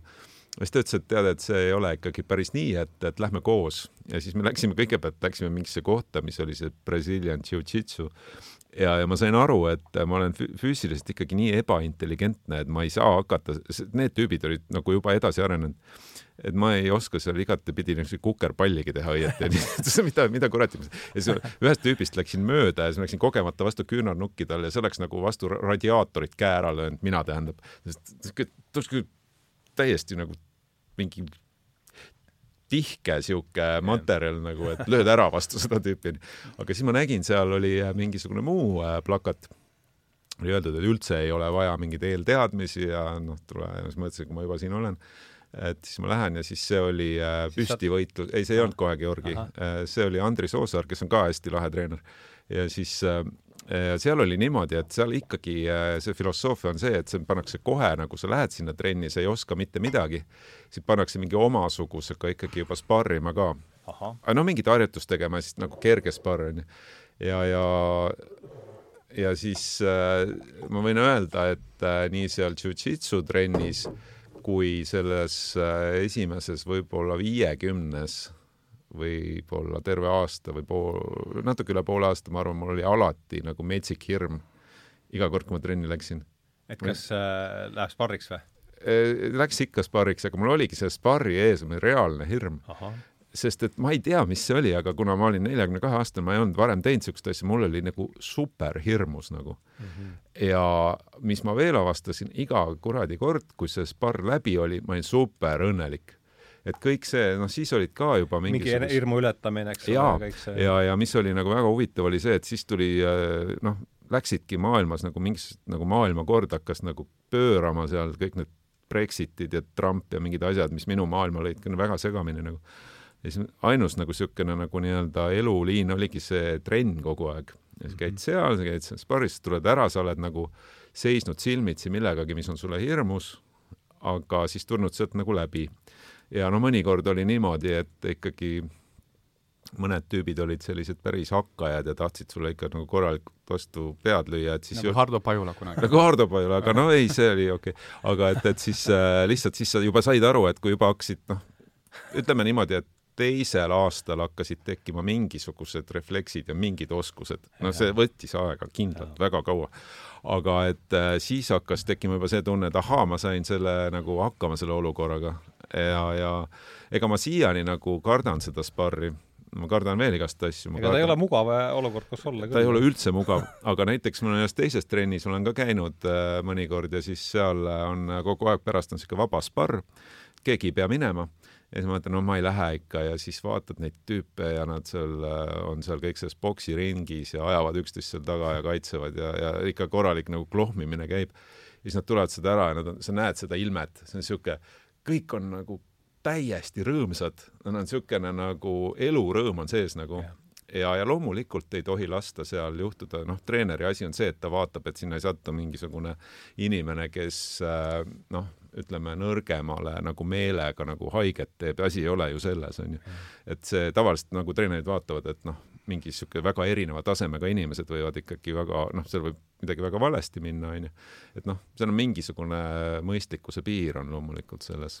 Aga et, et minu jaoks võitluskunstid ja hirmu nagu teema on väga-väga seotud äh, läbi just nende kogemuste, et see on nagu põnev.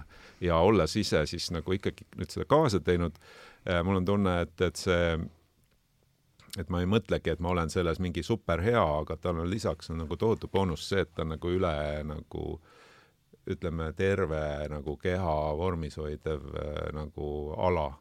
Et äh, kui ma jooksmas käisin, siis ma ei tunne, et mul olid lihtsalt tugevad jalad, mis tassisid mingit keret ringi kuskil. Et siis, kui sa käid võitluskunstides, ta lisaks on veel väike, noh, et ta on nagu vaimselt ja füüsiliselt annab mõlemat väga, vägagi hästi nagu. Mistõttu ma olengi jäänud käima ja Georgi ongi viimased aastad nagu põhiliselt olnud, kelle juures ma olen käinud aga see, no minul tuleb esimese sõna, kui läheb sparri situatsiooniks, siis on esimene sõna, mis tuleb pähe, on ikkagi adrenaliin, et see on niisugune tunne nagu mm -hmm.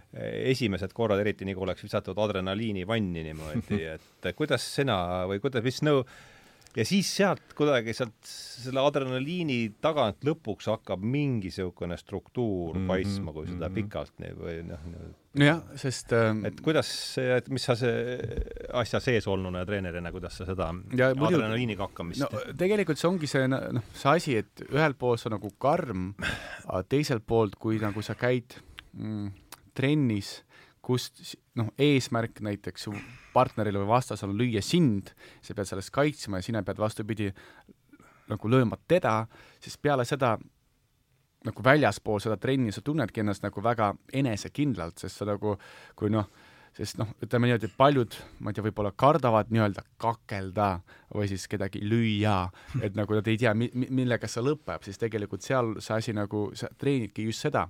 ja siis tegelikult see on nagu, nagu auto sõitmisega, ma võin täpselt ütelda, sama, täpselt samad emotsioonid, ma mäletan, kui ma esimest korda, ma ostsin endale auto ja siis äh, ma, ma mul esimene möödasõit, ma mäletan. ja siis ma sõidan see oli ikka ettevõtmine. ja siis mul oli nii nagu hirmus et nagu, aga mida rohkem sa nagu oled selles äh, auto sees ja sõidad, nagu seda kiiremini see nagu see hirm läheb ära ja sa, sa üldse nagu ei mõtle, mis sa teed.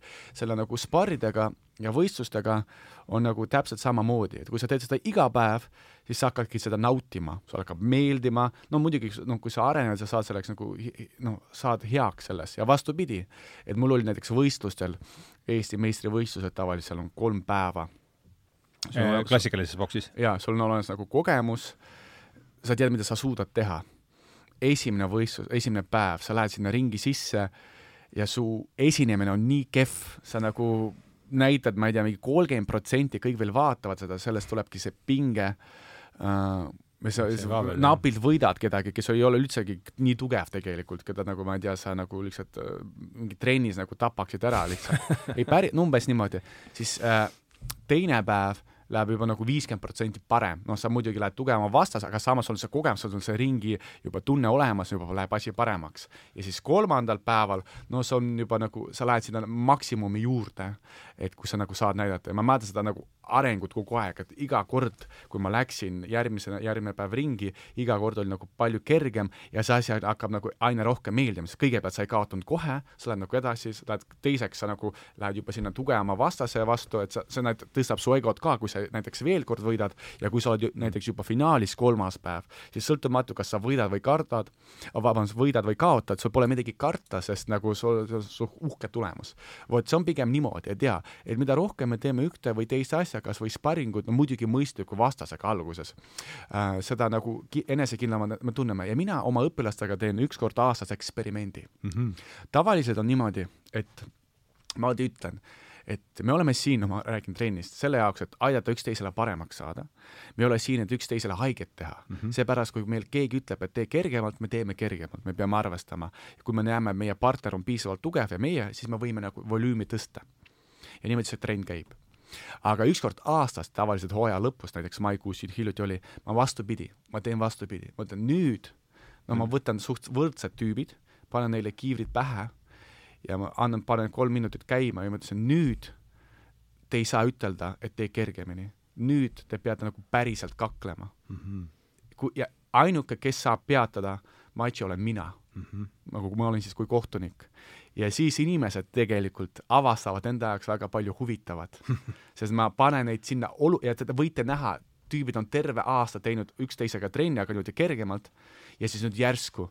Ja see nende loodus kõik nagu muutub nagu, see läheb nagu see olukord läheb karmiks ka ja siis ma ütlen ka, et teistele ülejäänud, kes nagu vaatavad meie rühma, et nad karjuksid nagu päriselt nagu löö teda või midagi veel, et come on, come on nagu Aha. ja siis see atmos-, sest ma tahan, ma ütlengi neile, et ma tahan teid viia sinna ekstreemsusesse, et te ise saaksite aru, kas te olete valmis mingisuguseks ekstreemseks olukorraks või te ei ole. ja vot need inimesed, kes on mitu aastat käinud, mingi kaks või kolm aastat minu juures, need on nagu teinud nagu tohutu arengu selles mõttes, et äh, ma mäletan, mõned inimesed, ma ütlen ka, et mäletad, sa seal mingi kartsid nagu, ütlesid, et nüüd ma saan peksa ja nüüd sa oled see tüüp, kes annab peksa ja kõik kardavad sinuga nagu üldse nagu seista. ja sa, ma ütlesin, mäletad, sa olid veel paar aastat tagasi selline ja siis noh, see areng on küll olemas, aga muidugi see inimene, kes nagu sa peadki endas nagu üle olema, sest kui sa oled ainult chill ja kui see raskus tuleb ja sa ei saa nagu, ei ütle endale, et come on, et siin ma pean midagi tegema endaga, et üle saada äh,, siis jah, siis, siis nagu see ei ole nagu, siis, siis sa jäädki selle hirmu sisse edasi, sa ei arene. ja siis sa jäädki selle lõksu. ja võib-olla see noh, leitmotiiv, mis ma ennem tahtsingi võib-olla ütelda, et Daniel pigem alati nagu analüüsib niisugust ühiskonda ja mina pigem tihti analüüsin vastupidi, E-, e-, eraldi isiksust sest äh, mulle meeldibki nagu, minu nagu elu leitmotiiv ongi see nagu areng igatepidi, nii vaimses, füüsilises kui ka nagu tarkuse poolest ja tihti noh, inimene võib-olla ei olegi veel valmis, väga tähtis on nagu ajastus, kas sa oled selle hirmuga nagu valmis tegelema nüüd mm. -hmm. et mul oli näiteks no naljakas asi, et no kuna ma alustasin poksiga, siis pärast liikusin kick-poksis, pärast liikusin äh, Äh, tai-boksi ise kui sportlane või kui harrastaja, nüüd ma tegelen noh, nii-öelda taekwondoga ja taekwondo siis noh, kõige julmemad jalalöögid ja kõige keerulisemad ka. seal on väga vajalik nagu venitus. ja siis mu üks hirmudest oligi see, et äh, ma alati, mul oli hirm, et mu, et mu venitus ei ole piisavalt hea, et minna taekwondo trenni mul oli see unistus või soov olla üle kümne aasta. ja siis lõppude lõpuks ma mõtlesin, kurat, okei okay,, nüüd see, ma ei tea, see september ma lähen, ma võtan endale treeneri ja siis ma hakkan tegelema, sõltumata sellest, et mis tase mul on, mis venitus mul on, ma hakkan tegelema. ja siis tuli välja, et tegelikult see venitus ei olnudki nii oluline kui see tehnika ise, ta on küll oluline, aga tehnika on veel olulisem. ja siis ma nagu suht, ma ei tea, kolme kuuga ma hakkasin tegema selliseid jalalööke, mida ma ei saanud nagu teha äh, kümne aasta jooksul, siis ma ise avastasin enda jaoks, et kurat, et see hirm hoidis mind nii kaua nagu tagasi ja see oli veel lihtsalt veel üks näide sellest, et tegelikult kui nagu tihti, kui iga hirm on tegelikult takistus ja tegelikult see hirm ei ole nii suur, sest tegelikult kellegi jaoks ei olegi hirm. Aga lihtsalt ma andsin mingi asjale nii suurt tähendust, et see hakkaski meie jaoks olema nagu hirmuks. sest me tihti näeme mingisuguseid inimesi, tead, nagu äri alustamisega. Sa võid, tahad ta, soovida alustada mingi ettevõtlusega, aga sul on suur hirm, äkki ei lähe. Yep.. ja siis sa kohtud mingi mehest, mingi tüüpi, kes sada protsenti, sa näed, ta ei ole nii tark nagu sina. no ta ei ole võib-olla nii, aga ta lihtsalt nagu alustas samamoodi ja siis mõne aasta või kahe pärast sa nagu näed ja tal on juba kõik hästi, nagu tal on mingi äri olemas, mingid kliendid, mingid sissetulekud on suuremad kui sinul ja sa ikka oled alustanud ja siis sa mõtled, kurat, et et, et et, et vist äkki see ei olegi nii hirmus mm. -hmm. ja siis nagu alustad ise ja siis tulebki välja, välja, et, et asi ongi nagu, ei olegi nii hirmus. ja sa, sa võiksid kümme aastat tagasi alustada selle mingi ettevõtlusega, sa millegipärast arvasid, et sa ei ole valmis, sa ei ole valmis. et selles mõttes, et vot nagu noh, see võib tegelikult ka olla hirmus, aga noh, sama on nagu lapse saamine ka, et, et sa tegelikult seal on väga palju kannatusi mm, -hmm. aga lõpuks sa ju tagantjärele ei loobu sellest, onju. ja, ja, ja, ja see, selle äri alustamisega, noh, esimesed no teedki selle hüppe ära ja võid avastada, et tegelikult väga paljud eeldused olid valed ja, ja kliente ei tule. see on täitsa võimalik, aga siis sa oled nagu elus. oled juba sees.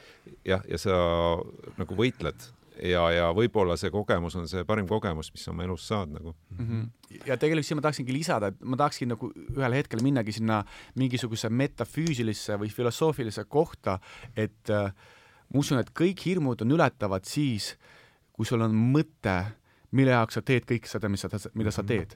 sest kui sul seda mõtet ei ole, sa mõtled, oo, ma teen mingi, veel mingi startup'i aga miks, aa, seal on potentsiaalselt, nagu ma saan mingi teiseks Boltiks või mingi Transferwise'iks. näiteks minu isiklik story on see, et eh, noh, alguses mul, kui ma lõpetasin ülikooli, ma läksin palgatööle, siis ma suht kiiresti sain aru, et, et see palgatöö vist ei ole minu jaoks. ja ma ei taha kuni pensioni olla mingi ettevõttes, et inimesed ütlevad, kuule, et mingi on juht, et ütleb, kuule, et peame tegema niimoodi, siis ma lõpetasin turundust ja siis ma mõt-, aga mul endal ei olnud nagu kogemust väljaspool seda, mis mulle ütlesid vanemad ja vanaisa, vanaema, nad olid Nõukogude Liidu pärit. ja siis õpetajad ka ju koolis ütlevad, kuule, et sa pead lõpetama haridust, äh, kõrgharidust saama selleks, mitte sellepärast, vot see ongi väga võtme, kõige suurem võtmehetk siin. iga õppejõud koolis, õpetaja, ei ütle seda, et sa pead lõpetama ülikooli selleks, et ma ei tea, tegema oma ettevõtet, vaid selleks, et saada head tööd Mm -hmm. ja see ongi see probleem, et paljudel see asi sobib, aga see ei ole, sobi, ei sobi kõikidele ja. ja mina olin üks nendest, kellel see asi ei sobinud, aga selgus ainult siis, kui ma juba lõpetasin ülikooli läksin tööle. ja siis ma nüüd küsisin, okei okay,, et mis ma nagu ja siis mõtlesin, okei okay,, viisteist aastat ma kuulsin teisi inimesi, nüüd äkki ma peaks kus, kuulama iseennast ja tegema seda, mis mulle meeldib, sõltumata sellest, kas see on moodne, kas see toob kohe nagu raha või mitte ja ma alustasingi sellega, et ma mõtlesin, milles ma olen nagu hea, enne seda ma sain aru, pidin kõik saama äh, teada, milles ma ei ole hea. Niimoodi jah, nagu katse-eksitusmeetod, siis jäid paar asja, milles ma, no, ma olin nagu hea. Ja siis nendes asjades ma hakkasingi tegutsema. Ja naljakas või mitte, et äh, tegelikult enne treeneritööd ma tegin seitse aastat pulmaäri nii-öelda. Olin õige, sul oli ja õhtujuht, sest tegelikult seal, seal oligi võimalus esineda. Ja ma alati mõtlesin, ma olin päris hea nagu esineja ja tegingi seda, aga siis noh, mida kogenumaks ma sain äh, ma sain aru, et ikkagi see Pulma instituut ei ole see nii, nii kerge, nagu sellest ma rääkisin pulmades ja kõik teised ka, et kui võt, ma võtsin nüüd seda statistikat, kui palju inimesed abielluvad, lähevad lahti, siis ma mõtlesin, kurat, et ma, ma mõtlen, et ma osalesin mingis väga ilusas valetuses. et siiamaani Pulm on minu jaoks niisugune väga ilus, moodne, rõõmus valetamine, kui kõik räägivad, et me elame elu lõpuni, aga tuleb välja, et pooled ei ela, nagu võib-olla enamus ei elagi. vot, ja siis ma sain aru, et kurat, ma ei taha sinna osaleda ja siis paralleelselt, kuna ma tegelesin poksiga ka, no võitluskunstidega, mõtlesin, et see on tõele lähemal palju. jaa, ma hakkasin andma neid trenne ja mul oli nagu meeldiv, et nagu, et mul meeldis nagu, et ma saan nagu inimesed aidata ja, aga siis oli jälle väljakutse, et enamus treenereid, no eriti pokside, ma ei ole mingi fitness treener kõigepealt, on ju, poksitreener, no nagu, no niisugused noh, poolijotad, mõned neist, tead, nagu, nagu higises kostüümis, nagu ta on, nagu no, panevad mingi napsu seal võistlusel teiste treeneritega, kes olid kunagi poksijad. ja siis äh, nagu, et see, see mentaalsus ei olnud nagu neil vale, sest äh, jah, ja siis ma mõtlesin, panin eesmärgi nagu, aga kui palju või mida ma pean üldse tegema, et nagu, et elada niimoodi, et vähemalt no, nagu normaalselt elada. ja siis no ma sain aru, et näiteks, et kui palju trenne ma peaks andma, äh, mis oleks see mingi trenni, treeningu hind ja nii edasi. ja siis ma läksingi seda teed ja ma olengi seda teed, sest see, see, see, nagu see ongi see asi, et kui ma töötasin ettevõtetes palgatööl, iga päev, kui ma tulin nagu tööle, ma tundsin, et, et iga päev, mis ma seal olen, aeg läheb raisku.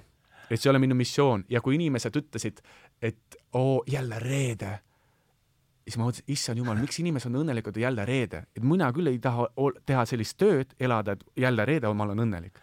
ja siis äh, see oligi see asi, et äh, et alates see hetk, kui ma hakkasin poksitreeneriks, ma enam ei loe päevi ja mul ei ole niimoodi, et oh, et jälle üks aasta, üks nädal, üks kuu, üks päev läks raisku. vot, ja võib-olla ma ei teenigi nii palju, kui mõned inimesed tegid mingisuguse ettevõtte või startup'i, aga samas ma olen siin sellises positsioonis, äh, et mu, mul, mu elus on mõte. ma küsiks korraks Taanile käest ka vahepeal, et äh, nagu sa ilusti ütlesid, et me trennis käime, siis saame lisaks trennile veel ka loengu, et mis mm. sulle on sealt äh, nendest loengutest niimoodi äh, meelde jäänud, ma võin oma mingid ma kohe jõuan selle juurde, aga ma ütlen ühe võib-olla selle kokkuvõtte, mis mõtted mul tulid veel, et ma olen ka ise proovinud aru saada, noh, olles hiliselt siis alustanud võitluskunstidega, ma olen nendest nagu rohkem proovinud ka juurde lugeda ja siis on mõned nagu raamatud, nagu üks oli Professor in a cage, äh, mis kõlab nagu sina et kus oli üks, äh, põhimõtteliselt tema oli küll filoloogia professor, aga ta ka mingi sa vist rääkisid sellest? ja, ja mingi kolmekümne üheksa aastaselt või niimoodi otsustas, et läheb äh, MM-ad tegema. nullist, või ta vist midagi oli noorena teinud aga et ja siis teine oli Fighter's Heart või Heart of a Fighter või midagi, kes oli nagu, nagu profim tüüp. ja minu meelest nad mõlemad jõudsid täpselt sinna kohta, et tegelikult võitluskunstid on nagu selline koht, kus sa saad hästi palju infot ja saad infot enda mingit kohta. tüüpi reaalsuse, mingit ja. tüüpi teiste inimeste ja ka enda kohta. ja see info on elus tohutult vajalik et, et meil on nagu hästi palju sellist vatti ümber, kus me saame nagu udust infot nagu nii enda kui kõige muu kohta, siis see on koht, kus sa saad hästi konkreetset infot. ja ega samal ajal ma arvan, et see, mis Georgi rääkis, seesama ettevõtte alustamine, see on samasugune asi. et sa mhm. lähed nagu äh, jah, sa lähed tegelikult nagu kõrgete panustega olukorda mm, -hmm. kus sul ei ole võimalik kõrvale vaadata, sa saad väga valusalt vahel infot enda kohta. aga seesama info, ükskõik, kas ta tuleb valusalt, see valu ei ole nii tähtis seal, paraku ta sageli võib tulla läbi valu, on äh, hästi väärtuslik selleks, et äh, öeldakse, et kui inimene ei tea, kus ta asub, on ta kõige suuremas segaduses või näiteks kui jooksja läheb jooksma distantsi, mille pikkust ta ei tea või ta ei tea, kui palju ta sellest läbi jooksnud on, ta ei oska näiteks, kõige lihtsam näide, oma jõudu arvestada, onju. ta võib joosta ennast, kui see, kui sa ütled, et et hakka jooksma, aga me ei ütle, kas see on kakssada meetrit või nelikümmend kaks kilomeetrit, mis sa siis teed? Siis on keeruline. ja, ja samamoodi on minu meelest äh, kuskil on selline et kui ühiskond on täis mingisuguseid segaseid signaale ja sa iseenda kohta saad ka neid segaseid signaale, siis sa oledki ärevuses rohkem. võib-olla äkki see ongi see põhjus, miks mingid sellised kõrgete panustega olukorrad annavad sulle tegelikult turvatunde, isegi siis, kui sa ei ole seal alati võitja mm. -hmm. aga sa saad väga palju teada aga nüüd äh, selle juurde, mida Georgi äh, loengust meeles on, siis mulle kohe tundus, et sellest võiks täna rääkida, oli üks mõte, mida Georgi ütles ja ma olen sellega, selle peale ise mõelnud, et see vist ongi nii, et äh, kui on need väga suured ohuolukorrad, et siis tegelikult inimene ei tea ette, kuidas ta siis käitub ehk äh, vahel on, siin räägitakse, mingi tüüp oli kangelane umbes ja, ja, ja nii edasi. et need ei ole tegelikult ette teada, et vahel võib mõni inimene, keda üldiselt teati niisuguse alalhoidliku ja ara inimesena, ta võib sellest ülikeerulises olukorras osutuda kangelaseks. ja võib ka vastupidi olla, keegi, kes on kogu aeg ennast esitlenud kui mingisugust tohutut nagu äh, kõva meest et äh, võib vabalt jalga lasta. et, äh, et see on mingi nüüd see natuke sellesama infoga ka seotud, et võib-olla see inimene ise ka ei tunne ennast.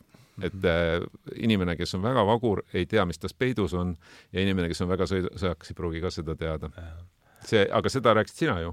jah ja. ja., see kõlab väga usutavalt. minul on muidugi meeles, see on, sest ma olen Georgiga rääkinud küll, aga see oli kaks tuhat kaheksateist, ma arvan, kusagil mingi üks juuli esimesi päevi. ja ma olin siis käinud, ma ei tea, mingi pool aastat juures vist või. ja ma ei tea, mis siis äh, siis me Georgiga seal kahekesi sparrisime ja see oli küll niisugune koht, kus ma ma siia, no ma ei saanud, et ma läksin sealt ära, ma mäletan sealt trennist ja, ja ma olin siis, vaatasin pärast järgi veel, ma olen oma kaalu arvestanud, ma olin mingi sada kilo siis mm. -hmm. ja pärast seda tantsu ma vist ma võtsingi mingi pooleteist kuuga kümme kilo alla. ja see oli meie eesmärk nii-öelda? jah, ja ma võtsin küm-, pooleteist kuuga kümme kilo alla ja ma ei olegi pärast, noh, nii hulluks ei ole seda asja, noh, on seda siin kõikunud küll, nii et noh, see oli niisugune ikkagi põhja, põhjapanev aga mis see oli siis nagu, et see konkreetne ühekordne spar ühekordne spar jah, sealt tuli lihtsalt igalt poolt seda küll, jah. see, noh, ma ei ole tõesti midagi, see on ikkagi siia, see on üks äh, Nad on ikkagi üks vormivaid kogemusi jah, olnud, et ma, sul enda, endal on meeles, mis sa seal äh, kokku tantsisid või? ei no mul on see nagu tavaasi, selles mõttes minu jaoks on see jälle, et see on nagu, aga vot siin ma ja mul oli see väga, mul ja. oli see ikka ääretult õpetlik. et jaa, siin võib-olla ma tahaksin nagu täpsustada, et äh, tegelikult asjaga, no et kuna te olete nagu harrastajad, mina olin kunagi ikka nagu profisportlane boksis ja mul olid suured eesmärgid ja siis ma sain aru, et noh, kui ma juba tegin profiboksi ja noh, kas või nooruses nii palju trenni, siis ma otsustasin, otsustasin, et et ikkagi noh, et ma ei suuda veel seitseteist aastat järjest umbes samas vormis panna. aga ma tahangi ütelda, et noh, toome täna äh, üles võitluskunste kui niisugust võrdlust, et mis saab, mis nüüd saab ja ma tahaks ütelda ka või selgitada inimesele võib-olla, kes meid kuulavad, kes ei ole üldse võitluskunstiga seotud, et võitluskunstid on ka erinevad mm. -hmm. ja miks nagu, mis on äge nagu poksiga kui sellise klassikalise võitluskunstiga, et see, kui selline noh, võitluskunst ongi maksimaalselt lähedane reaalsusele mm. -hmm. et umbes noh, et kui sa lööd kätega äh, poksi kinnasse, siis noh, jälle, kui mingi asi juhtub, siis hakkadki umbes niimoodi lööma äh, kätega, kui neid boksingkindaid ei ole. sest ma olen sattunud olukorda, noh, teiste inimestega näiteks, kes tegelevad, on teinud karateed, ma ei tea, väga kõrgel tasel, mingi peaaegu mingi maailmameistrid. ja me sattusime olukorda, aga see reaalsus nende jaoks oli nii teistsugune, et seal keegi ei ütle stopp sulle peale igat lööki, midagi veel, ja siis nad lihtsalt kiilusid kinni ja selles mõttes ma ütlen, et võitluskunstid on head, aga tihti see ei ole veel kõik. see ei tähenda, kui keegi käib võitluskunstidel, et ta nüüd hakkab seal, saab oma hirmudest üle. paljud tahavadki niimoodi käituda, et nad, et kõik teaksid, mul on nagu, ja see on nagu see ego kasvatamine, aga see ei ole nagu, see ei ole nagu mm,, nagu e enda aren-, arendamine, nagu ma oma õpilastele alati ütlen, et on kaks hetke, kaks, kaks võimalust, kui keegi saab aru, et te tegelete poksiga. üks asi on see, üks asi on boksisaalis ja teine asi on, äh, kui mingi olukord juhtub mm -hmm. ja sa mhm. pead kasutama. kolmandat korda, kolmandat kohta või ei ole üldse olemas. ei, tohi, ma ei tea, ma ei, ei luba oma õpilastel käia mingi jõusaalis ja veita, teha seal mingi varjuboksi, sest see on odav, sest keegi ei kontrolli, kui tegelikult, kui hea sa oled, keegi ei saa sellest õigesti aru. ma ei soovita äh, panna autodesse poksikindad rippuma, väikseid, suveni, sest samamoodi see on väga odav tee näidata, sa oled poksja. või ma ei tea, äkki sa oled üks trenn käinud, pane mingi rippuma. ja mingi, ühtegi märki ei ole, sa pead olema džentelmen ja sa peadki olema nagu niisugune raamat, et mida, noh, ma õpetangi oma õpilase, et sinust inimene peabki teadma läbi jutu midagi veel, midagi veel, aga sa ei pea selles nagu silma paisma, nüüd vaadake, ma olen kõva poksja, kartke mind. et see on küll vale tee ja sest pärast, varem või hiljem, antud olukorras alati tuleb eksam ja see elueksam kontrollib või sellist inimest, okei okay,, sa oled poksja, siis näidad õige, igale inimesele, kas sa oled poksja, näita, siis näita. ja siis tihti need inimesed, kes kõige rohkem räägivad endas, on mingid kõvad tüübid, need tegelikult kõige rohkem kardavadki ja veel rohkem seda, see puudutab äh, jõusaali maailma, kus on väga suured tüübid. ja ma olen mõnedega nagu rääkinud ja tegelikult seal sees peitub nagu E, eba, päris suur ebakindlus, seepärast need inimesed tahavad lihtsalt suured olla, sest nad teavad, kui ma olen suur, siis mind kardetakse. Mm.. vot, ja lihtsalt, miks ma seda tean, sest kui nad said aru, et see, see mudel ei toimi, nad tulevadki minu juurde ka. Et siis õppida nagu boksi selgeks ja siis saada nagu päriselt noh, vaimselt nagu tugevamaks. vot, e, see on see asi. Ja võib-olla veel kord ma räägin lõpuks ka paar sõna, et jah, et see, see, see võitluskunstide võrdlus on hea, aga näiteks minul noh, ma olen samamoodi, ma puutunud hirmudega kokku, et äh, noh, võib-olla no te teate, et on ju, et mul on näiteks äh, noh, mul on nagu abikaasa, meil on kokku ne-, ne-, kahe peal nagu neli last, on ju, samas kaks last on, on nagu, on juba mitte minu omad, eks nad tulid minu naisega kaasa ja see on ka va, nagu, nagu suht hirmus, okei okay,, sa võtad lapsi, kes on nagu juba enne sind olnud, kuidas sa neid kasvatad, kuidas sa ise nagu käitud Äh, kuidas sa seal tegeled seal mingi nende mingi isaga seal, et pärast sul tulevad enda lapsed veel, et kuidas sa nagu, kui Daniel Vaarik ütles, et tal on, laps tuleb ja sa kardad, see on kindlasti, aga mul tuli nagu kohe komplekt juurde, et nagu, et mis nagu ette valmistas mind selleks, et kui tulevad need nagu oma lapsed, see nii hirmus võib-olla ei ole. vot, et ma alati nagu võtangi mingisugust äh, nagu väljakutsed välja, nagu vastu, sest mul on selline teooria, et selles ilm-, maailmas on väga palju inimesi mm, -hmm. aga enamus inimesi nagu ei taha seda üldse millegi eest vastutust võtta. ja need inimesed, kes on, kes on nõus võtma vastutust, noh, mina võtan, olen üks, ma arvan, ma olen üks nendest, ma tahan olla üks nendest mm. -hmm. Need tuleb välja, et need inimesed peavad võtma suuremat vastutust enda peale, nende teiste inimeste eest. vot, ja siin sa ei saa mitte olla julge ja siin sa ei saa olla noh, selles mõttes tegeleda oma hirmudega, et ainult niimoodi. Ja seepärast mind nagu inspireerivadki samad inimesed nagu mina äh, noh. inspireerid ennast ise.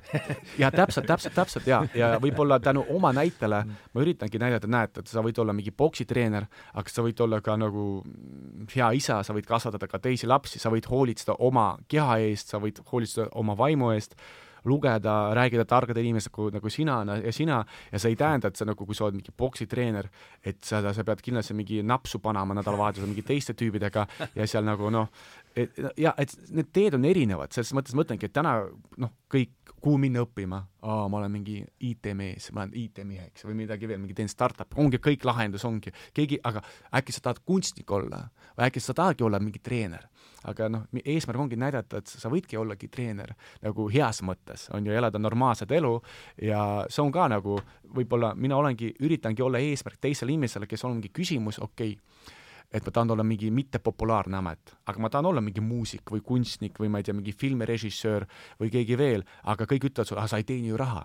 Aga vot, aga siin tulevadki asjad juurde, et kuna me elame materiaalses maailmas, siis me lihtsalt peame juurde õppima, kuidas olla, ma ei tea, kunstnik või muusik või kirjanik materiaalses maailmas mm. -hmm. see ongi see lisaasi et paljudel eh, on need oskused lihtsalt puudu, et kui inimene oskab teha muusikat, siis ta teebki ainult muusikat ja mitte midagi muud. Need võib-olla oleks need oskused, et kuidas toime tulla, kuidas teenida raha oma muusikaga, see oleks ka niisugune eriala näiteks, ma ei tea, muusikakoolis, see oleks päris hea.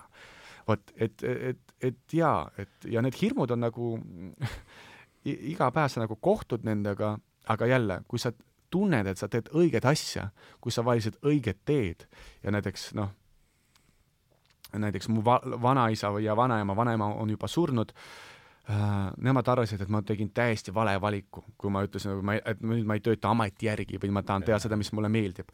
aga ma üritan ikkagi tõestada iseendale, et see valik on õige ja võib-olla tõesti, võib-olla äh, mu elu ei ole veel nii uhke nagu minu sõbral, kes hakkas mingi ettevõtlust tegema, aga mul on vähemalt sisemine rahu võrreldes temaga, et iga päev, kui ma ärkan ülesse, ma tean, et selles, sellel päeval on mõtted ja ma tean, et äh, keegi ei vihka mind, mingi konkurent või mingi klient, kellele ma mingi müüsin mingi jama maha äh, või midagi veel, et jah.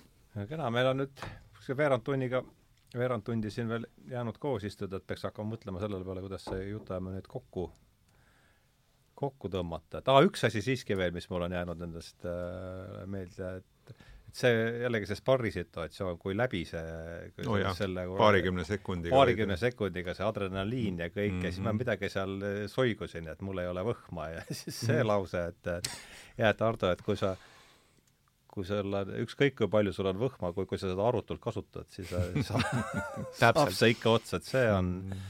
see on ka selline, selline noh, üldistus, üldistus aga võib-olla jõuline lause. võib-olla selle täiesti nagu lõppu tuua, see noh, võitluskunsti asi, millest võib-olla tõesti ainult tänu Georgile saamegi nii palju rääkida, et meie oleme tõesti ju nii vähe sellega kokku puutunud. nuusutanud parimal juhul. jaa, aga üks asi, millest ma ikkagi aru olen saanud, et ega loomulikult see eriti meie tasemel ta ei anna meile mingisugust nagu sellist äh, ettevalmistust, me päriselt kellegagi kas nagu saaksime või tahaksime kakelda. ikka annab. jaa, ta midagi annab, aga ta lihtsalt annab nagu teadlikkuse sellest, mis võib juhtuda mm -hmm. ja sa suudad hinnata olukorda võib-olla teistmoodi yeah. ja see on juba ka nagu seesama, jõudes tagasi selle info äh, info äh, aspektini, mis ma ütlesin, et sa no ikka mingi vati seest välja tulek. jah, sa tuled vati seest välja ja sa saad, noh, mõnes mõttes lihtsalt oled adekvaatsem ja, ja see võib väljenduda nii selles, et sa nagu taandud mingist olukorrast kiiremini mm, -hmm. sest sa ei ole rumal, eks ju, nüüd sa näed, on ju, noh, sa oskad hinnata selle inimese mingisuguseid omadusi juba või siis, et sa ei taandu lihtsalt sellepärast, et sa nagu umbes kujutad ette, et okei okay,, ma tean, mida ma teen, et ennast kaitsta ja noh, ma tean, et ma ei hakka siin ise kaklema, aga vähemalt ma ei karda nii paaniliselt, ma tean, mis need, võib-olla mul on vähemalt mingi paar nagu ettekujutust, mida ma saan teha, onju. ja see annab võib-olla sellise rahul, rahu natuke rohkem küll, jah ehk siis võtab hirmu natuke, natukene hirmu, natukene, natukene hir, hirmu maha, jah. jaa, aga jah aga sa, sa ise ei ole puuri, sa ise ei ole puuris võidelnud, aga sa, ma tean, sa oled puurivõitlejat treeninud, et mis, räägi sellest veel natuke, see on, see on üks teema, millest võiks eraldi era,, eraldi lausa no jah, saata, aga et mis et jaa, et mul on õnneks ka nagu au treenida, noh, ma arvan, kindlasti läbi aegade no ain-, ainsa kõige tugevama Eesti siis vabavõitleja, et siis Deniss Moldarevi, kunagi me treenisime koos ja siis aeg niimoodi sat-, tegi siis, pani meid jälle kokku, et mina olen siis nagu tema aga sa tegelikult treenisid temaga koos? kunagi ammu jaa, seepärast sealt võib-olla, et see niisugune algne soov tal tuligi minu juurde kui treenerina tulla. et jaa, noh boksi siis või? Ei, see oli kick-poks juba jah, siis tema juba maadles, oskas maadelda, tuli siis Tallinnasse ja siis tal oli vaja vast-, vastupidi seda püstivõitlust nii-öelda MMA terminoloogias, püstivõitlus nagu lihvida ja siis läks kick-poksi trenni, kus on need käed-jalad kohe olemas. jah, et noh, muidugi see on nagu, see on nagu täiesti nagu noh, hirmus, kogu aeg, kui nagu noh, kui jälle, kui pannakse see puur sisse, sa istud selle nagu puuri taga ja seal tuleb noh, kui Deniss, no kujutate ette, on peaaegu kaks meetrit pikk, mingi sada kakskümmend kilo siis sealt tuleb veel teine tüüp, kes võib-olla on veel pikem ja mingi kaalub mingi sada kakskümmend viis äh, kilo, mingi mustanahaline tüüp USA-st ja, ja noh, tahab sult pea ära lüüa, see on nagu suht hirmus. ja nelja, seal on väiksed kindad peal ka, mis on no, neli untsi, et poksi omad on kaksteist või? Kümme, kümme, kui me räägime võistlustest, siis on kümme. okay, jaa, aga seal on neli. ja no kujutage ette, et seal ikkagi sa tunned, kuidas nagu noh, see kinnas vastu konti läheb, see hääl on ka selline, et muidugi seal nagu no, tervisele ohtlik ka. Ja no kidding man. ja seal ongi see asi, et kui no, asi läheb kõik hästi see on isegi kinnisvarale ohtlik, mis selle ümber on. mul on, mul on nagu niimoodi, mul on nagu mõlemad kogemused on ju, mul on olemas, kui see Deniss nagu võitis, ja siis mul on nagu kahju vastasest, sest ma tean, kui palju tööd see vastane tegi, et nagu võita, aga ta kaotas. ja siis ma nagu austan mitu raundi nad teevad seal? kolm koma vii-, kolm raundi korda viis minutit, kui see on ah. lihtsalt fight ja viis korda viis, kui see on championship fight, et see on nagu päris raske.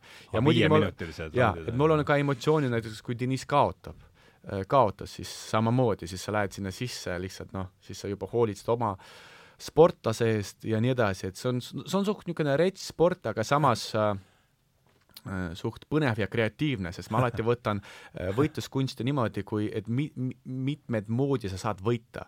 ja MM-as puuri sees on tegelikult neid meetodeid kõige rohkem ja see on nagu, see on nagu malemäng, on ju, seal on olemas see kabemäng, kus neid variante võita on vähem, ja siis on nagu malemäng, kus neid variante võita on nagu rohkem, no nii-öelda neid käike on rohkem. ja MMA on selles mõttes ikkagi, mida kõrgemale see tase läheb, seda targemad inimesed on, kui me võtame näiteks UFC-d, kõige suuremat äh, or-, võimsamat organisatsiooni, MMA organisatsiooni, siis need inimesed on nii mitmekülgsed ja huvitavad ja erinevad. ma ütlen, et MM-as kõige kõrgemal tasemel, seal on kõige targemad inimesed. sa ei saa olla rumal ja olla UFC tšempion, sa pead olema mitmekülgne, väga huvitav äh,, andekas tüüp nagu nii spordis ja et jaa, et ruma, rumalad inimesed fight ivad seal mingi keskmisel tasemel. Mm.. vot sina, aga kui sa tahad, oled täiesti eliidis, siis, siis sa oled nagu, nagu noh, perfektne noh, näide selles, et nagu võib-olla nagu antiikkreeklane, et sa nagu oled tugev füüsiliselt, vaimselt ja sa oled tark, sest nagu kui sa ei ole tark, siis sa lihtsalt ei tea, kuidas võita. See, kes on targem, ta võidab sind nagu ära. selles mõttes, et selles, see on nagu hirmus, aga samas äh, väga inspireeriv, lihtsalt minu puhul on hirmus on see, kui sa, kui on tegemist raske kaaluga, siis noh, see äh, protsent, et asi lõpeb enne seda, kui lõpeb aeg, on nagu väga suur mm,. no mingi ühe või teise knock-out'iga siis? no absoluutselt jaa, tavaliselt see juhtubki nii nojah, aga siis äh, hakkame siis seda, tõmbame siis vaikselt asjad kokku, et kuidas meil kui nüüd, mis, mis sellest jutuajamist siis nüüd endaga kaasa võtta, et äh, hirm on in-, tõenäoliselt on üks baas kõige, kõige ürg-, meie kõige ürgsemad emotsioone, seetõttu on tal siin, pole ime, et ta, ta, talle siin meie, meie et sellele pedaalile vajutatakse korralikult ja ma arvan, mul on niisugune tunne, et siin äh, lõpetuseks, et äh, võtame selle konkreetse kaasuse, kaks tuhat kaks, kaks tuhat kakskümmend äh, märts tuli see Covid. Covidi värk, et kas te mäletate oma esimesi emotsioone, emotsioone sellega ja kogu seda? no siis ikka sai ka need kõik läbi käidud, et see ikkagi algas enne, eks ju et äh, oli mingi Hiinas mingi värk no, ja siis ikkagi need, ma ei mäleta, mis need nagu psühholoogias need astmed on, aga mingi hetk sa nagu eitad seda ja, ja siis ta tuleb järjest lähemale ja siis mingi hetk toimus ka nagu ülereageerimine, sest oli vot seesama asi, mis ma räägin, infopuudus mm. -hmm. see tegelikult noh, oli täielik hägu selle osas, et mis see haigus nagu teeb, ehk siis mingi hetk ju desinfitseeriti käsi ja hiljem selgus, et see on nagu jama, et seal ei ole nagu mingit äh, olulist märgatavat efekti ei ole Covidi levikule mm. -hmm. aga tol hetkel, kaks tuhat kakskümmend, jõudis sihuke olukord, et sa tuled poest ja sa nagu äh, igaks juhuks võtad siis need kilekoti mingisuguseid sangasid selle mingi asjaga üle, et ja mul on see meeles see nagu kõige haledam hetk minu jaoks oli see ja ma tähendab, tähendab, ma ei tahtnud olla see, ma nagu muigasin nende inimeste üle, kes ostsid mingit tatart ja värki kokku, sest et ma ise noh, ma umbes kujutasin seda kaubandussüsteemi ette ja ma kujutasin ette, et see ei saa otsa nagu. ma sain aru, et see võib hetkeks otsa saada, kui kõik hakkavad nagu lihtsalt noh, massiliselt midagi ostma ja siis see hetk ise võib inimesed nagu viia veel suuremasse paanikasse ja see tundus mulle nagu vale. aga aga? Ma ühel päeval siiski otsustasin, et ma ei taha liiga palju seal poes olla, et ma ostaks nagu hästi mitme päeva asjad ära. Ja siis ma ladusin ja ladusin, ma vaatasin, mis siin kõik vaja on, et ei peaks hästi mitu korda tulema. Ja siis ma sattusin esimest korda elus kassalindi juures sellisesse olukorda, et ma sain aru, et ma ei jaksa kõike ära viia. Saad aru, ma, ma, ma jõuan igast asju tõsta ja kõik, aga kõik, kõik need kotid ja asjad, mis mul seal olid, ma sain aru, et üks libiseb kogu aeg maha see oli nagu mingisugune kloun. see oli märtsis, see oli märtsis siis? jaa, ma mõtlesin, nüüd ma olengi see, et keegi vaatab kõrvalt, ma olen nagu see tüüp, vaata, kes hord- äh,, kuhjab endale koju mm. mingit kraami kokku, aga no mul olid ka, ka lapsed ja kõik asjad, onju, et selles mõttes ma ei olnud see, et kuna ma olin nagu jala ja ma ei olnud autoga, eks ju, enamus inimestel on nii, et nad viivad selle suure käru autosse ja, ja tegelikult neil võib seal rohkem kraami olla kui mul tol hetkel. aga mina lihtsalt arvasin, ma viin nad nagu kahe käega ära ja siis see oli nagu selline, see on ikka nii koomilist piinlik hetk, nagu ma mõtlesin, ma olengi nüüd see tüüp, vaata. ja, ja selle taga ongi nagu see, et, et kuidagi oli ikkagi selleks hetkeks mingisugune noh, mul ei olnud mingit paanikat ega midagi, aga nagu see naeruväärsus selle ees, et ma tegelikult ei tea ju, mida ma tegema pean ja siis ma igaks juhuks midagi teen siin, tassin võib-olla mingeid asju ja, ja no, jah, midagi, midagi on vaja teha, sest midagi on nagu vaja teha, aga see kõik on kuidagi nagu tobe nagu ja infot ei ole nagu. Ma mäletan, et, et jah, et kui Daniel siis äh,, see oli tä täiesti hirmu koht minu jaoks, sest äh, mäletate, seal oli täielik lockdown. Ja, mm -hmm. ja siis kõik, kõik, esiteks kõik saalid läksid kinni kohustuslikult. Mm. -hmm. teiseks, kõik platsid, spordiplatsid läksid kinni. Läksid, välisplatsid läksid ja, ka, jah. ja siis ma lihtsalt mm mõtlesin, et noh, kuna ma ikkagi pean noh, suht palju töötama, et noh, et tegema, lubama endale seda elu, mis mul on, ja siis ma nagu lihtsalt sattusin niisuguse olukorda, okei okay,, mis nagu, mis nüüd saab? Sest mida, kuidas ma nüüd, ma, ma mõtlesin, okei okay,, ma pean nagu oma sellest korterist, kus ma praegu olen nagu kuhugi kolima mingi kuhugi täiesti teise kohta, kus ma nagu pärit olen, igasugused mõtted läksid nagu, nagu mis nüüd saab. Ja tegelikult äh, see Daniel Vaarik, kes siin kõrval istub, tema päästiski mind, siis mõtlesin, kuule, et seda pakkuski mulle seda ajakirjandustööd, sest ma alati rääkisin, et, kuule, et äkki teeme midagi Venemaas, sa ju räägid mulle kogu aeg trennides seda. ja siis, kui ma kirjutasin äh, seda esimese nii-öelda pilootasja valmis, siis noh, Daniel Vaarik äh, mõtles, et see on isegi parem, kui ta arvas, et võime teha. Ja siis tegelikult sellest asjast hakkaski see nagu see töö pihta, mis, mida ma praegu kombineerin ja ma olen väga õnnelik, sest tegelikult ma, mulle meeldib väga sport, aga kõigepealt ma olen ikkagi loominguline inimene, kes on alati kirjutanud luuletusi, laulusõnu, ma ei tea, teinud bände ja nii edasi, et see on nagu osa minust, see on suurem isegi osa minust kui sport, looming. vot, ja siis sel-, ja teine asi oli see, et peale seda mu, üks mu klientidest, üks ärimeestest, ta tahtis ka väga trenni teha, ta ütles, kuule, et Georgi, et mul on üks suur ruum, et äkki ehitame siis seal saali mm. -hmm. ja siis me hakkasimegi ehitama ja see andis nagu noh, see andis niisuguse järgmisteks lockdown ideks andis meile niisuguse nagu sa-, nagu, nagu kuidas ütelda, noh äh,, Zapasnoje aerodrom, see vene keeles, et nagu veel ühe varu lennuväli. ja täpselt, kus me nagu siiamaani teemegi neid asju ja siis jälle see oligi see näide, et iga kriis, nagu on hiinlased siis ütlevad, on ju, või siis jah, et, et viib, et see on tegelikult võimalus. antud hetkel see oli nagu täiesti väga hirmus minu jaoks. see, mitte see haigus, vaid see, mis sellega kaasneb, et kuidas see elu naisele, et, et ma, et ma ei tea, mis, ma ei tea, mis ma nüüd pean tegema, ma lihtsalt ei tea. ja siis tuli üks võimalus, tuli siis teine võimalus ja, ja siis ma kuidagi nagu, ja siis tulid need võimalused olemas ja ta, praegu ma olen nagu, seisan nagu palju enesekindlamalt, no jälle, kui ma mõtlen, okei okay,, spordiga peaks nagu lõpp olema või trennidega, mul on veel asju, mida nagu teha. et see tuligi kõik tänu sellele nagu kriisile, aga jälle, see sõltub ka muidugi sellest, et missugune ini-, inimene sa oled, kas sa suudad leida äh, võimalusi nendes olukordades ja kolmas muidugi see, kõige tähtsam asi minu arust, et mis inimesed on sinu ümber.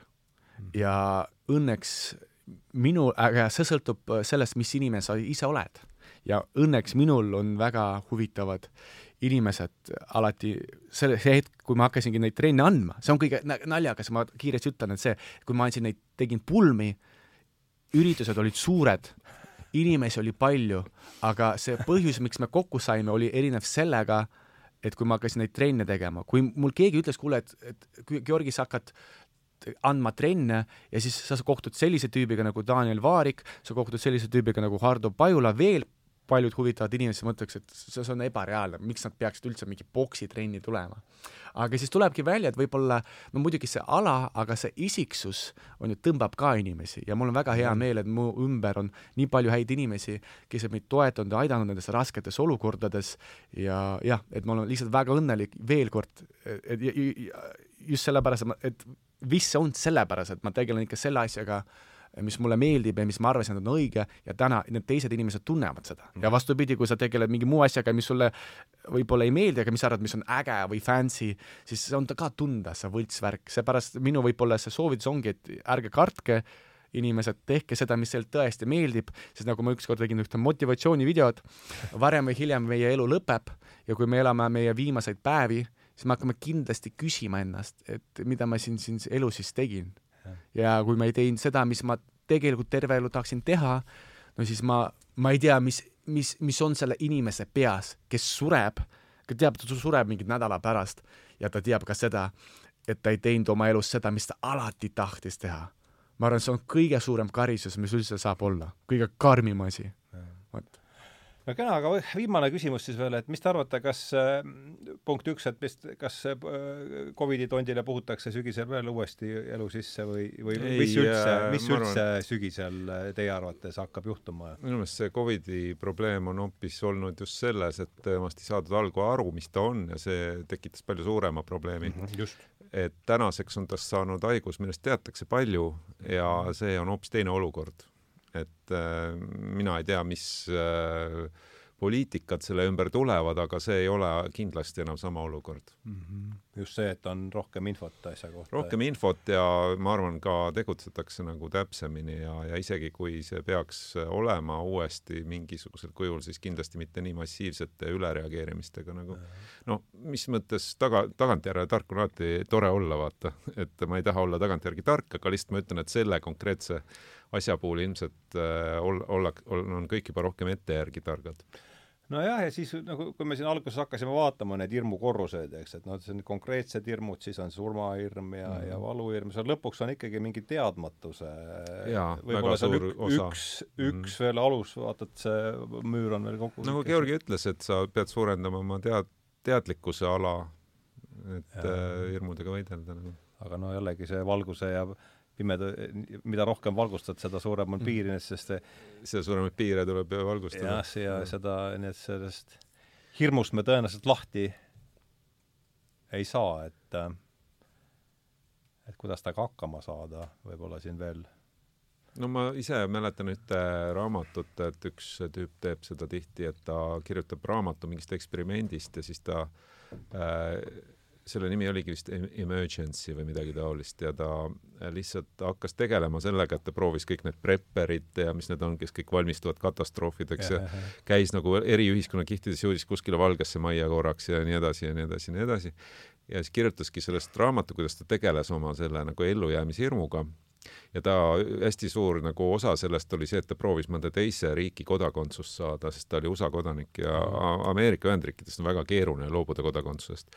ja siis ta lõpuks õnnestus saada topeltkodakondsus selle raamatu lõpuks, aga see ei olnud see asi, mis tal selle hirmu vähendas, vaid hoopis see, et ta hakkas selleks äh, vabatahtlikuks päästetöötajaks ehk siis ta tundis, et ta teeb midagi, mis päriselt nagu noh, jälle ma jõuan oma jutuni tagasi, et sa mm, -hmm. sa, jõudsid ühe asjani, kus sa päriselt nagu oledki seal, kus midagi juhtub, oledki, näed oma panust. jah, see tundub äh, usutav. jah, et igalühel on see, kõik ei pea hakkama päästetöötajateks, aga ma arvan, et igaühe elus on võib-olla mingi asi äh,, kus ta saab selle samasuguse asja nagu leida endas, et mis see tema nagu see Äh, tegevus oleks, mis äh, paneb teda tundma ennast vajalikuna, ma arvan, nii endale kui selle teistele. selle ümber on see jutt siin täna kogu aeg ja. pidevalt ju ma arvan, et ta mitu korda siin käinud. selle ümber just, jah. Georgi, tahad sa lõpetuseks öelda veel midagi? jaa, ma tahangi ütelda, et kunagi ah,, siin hiljuti kuulasin ühte treenerit ka,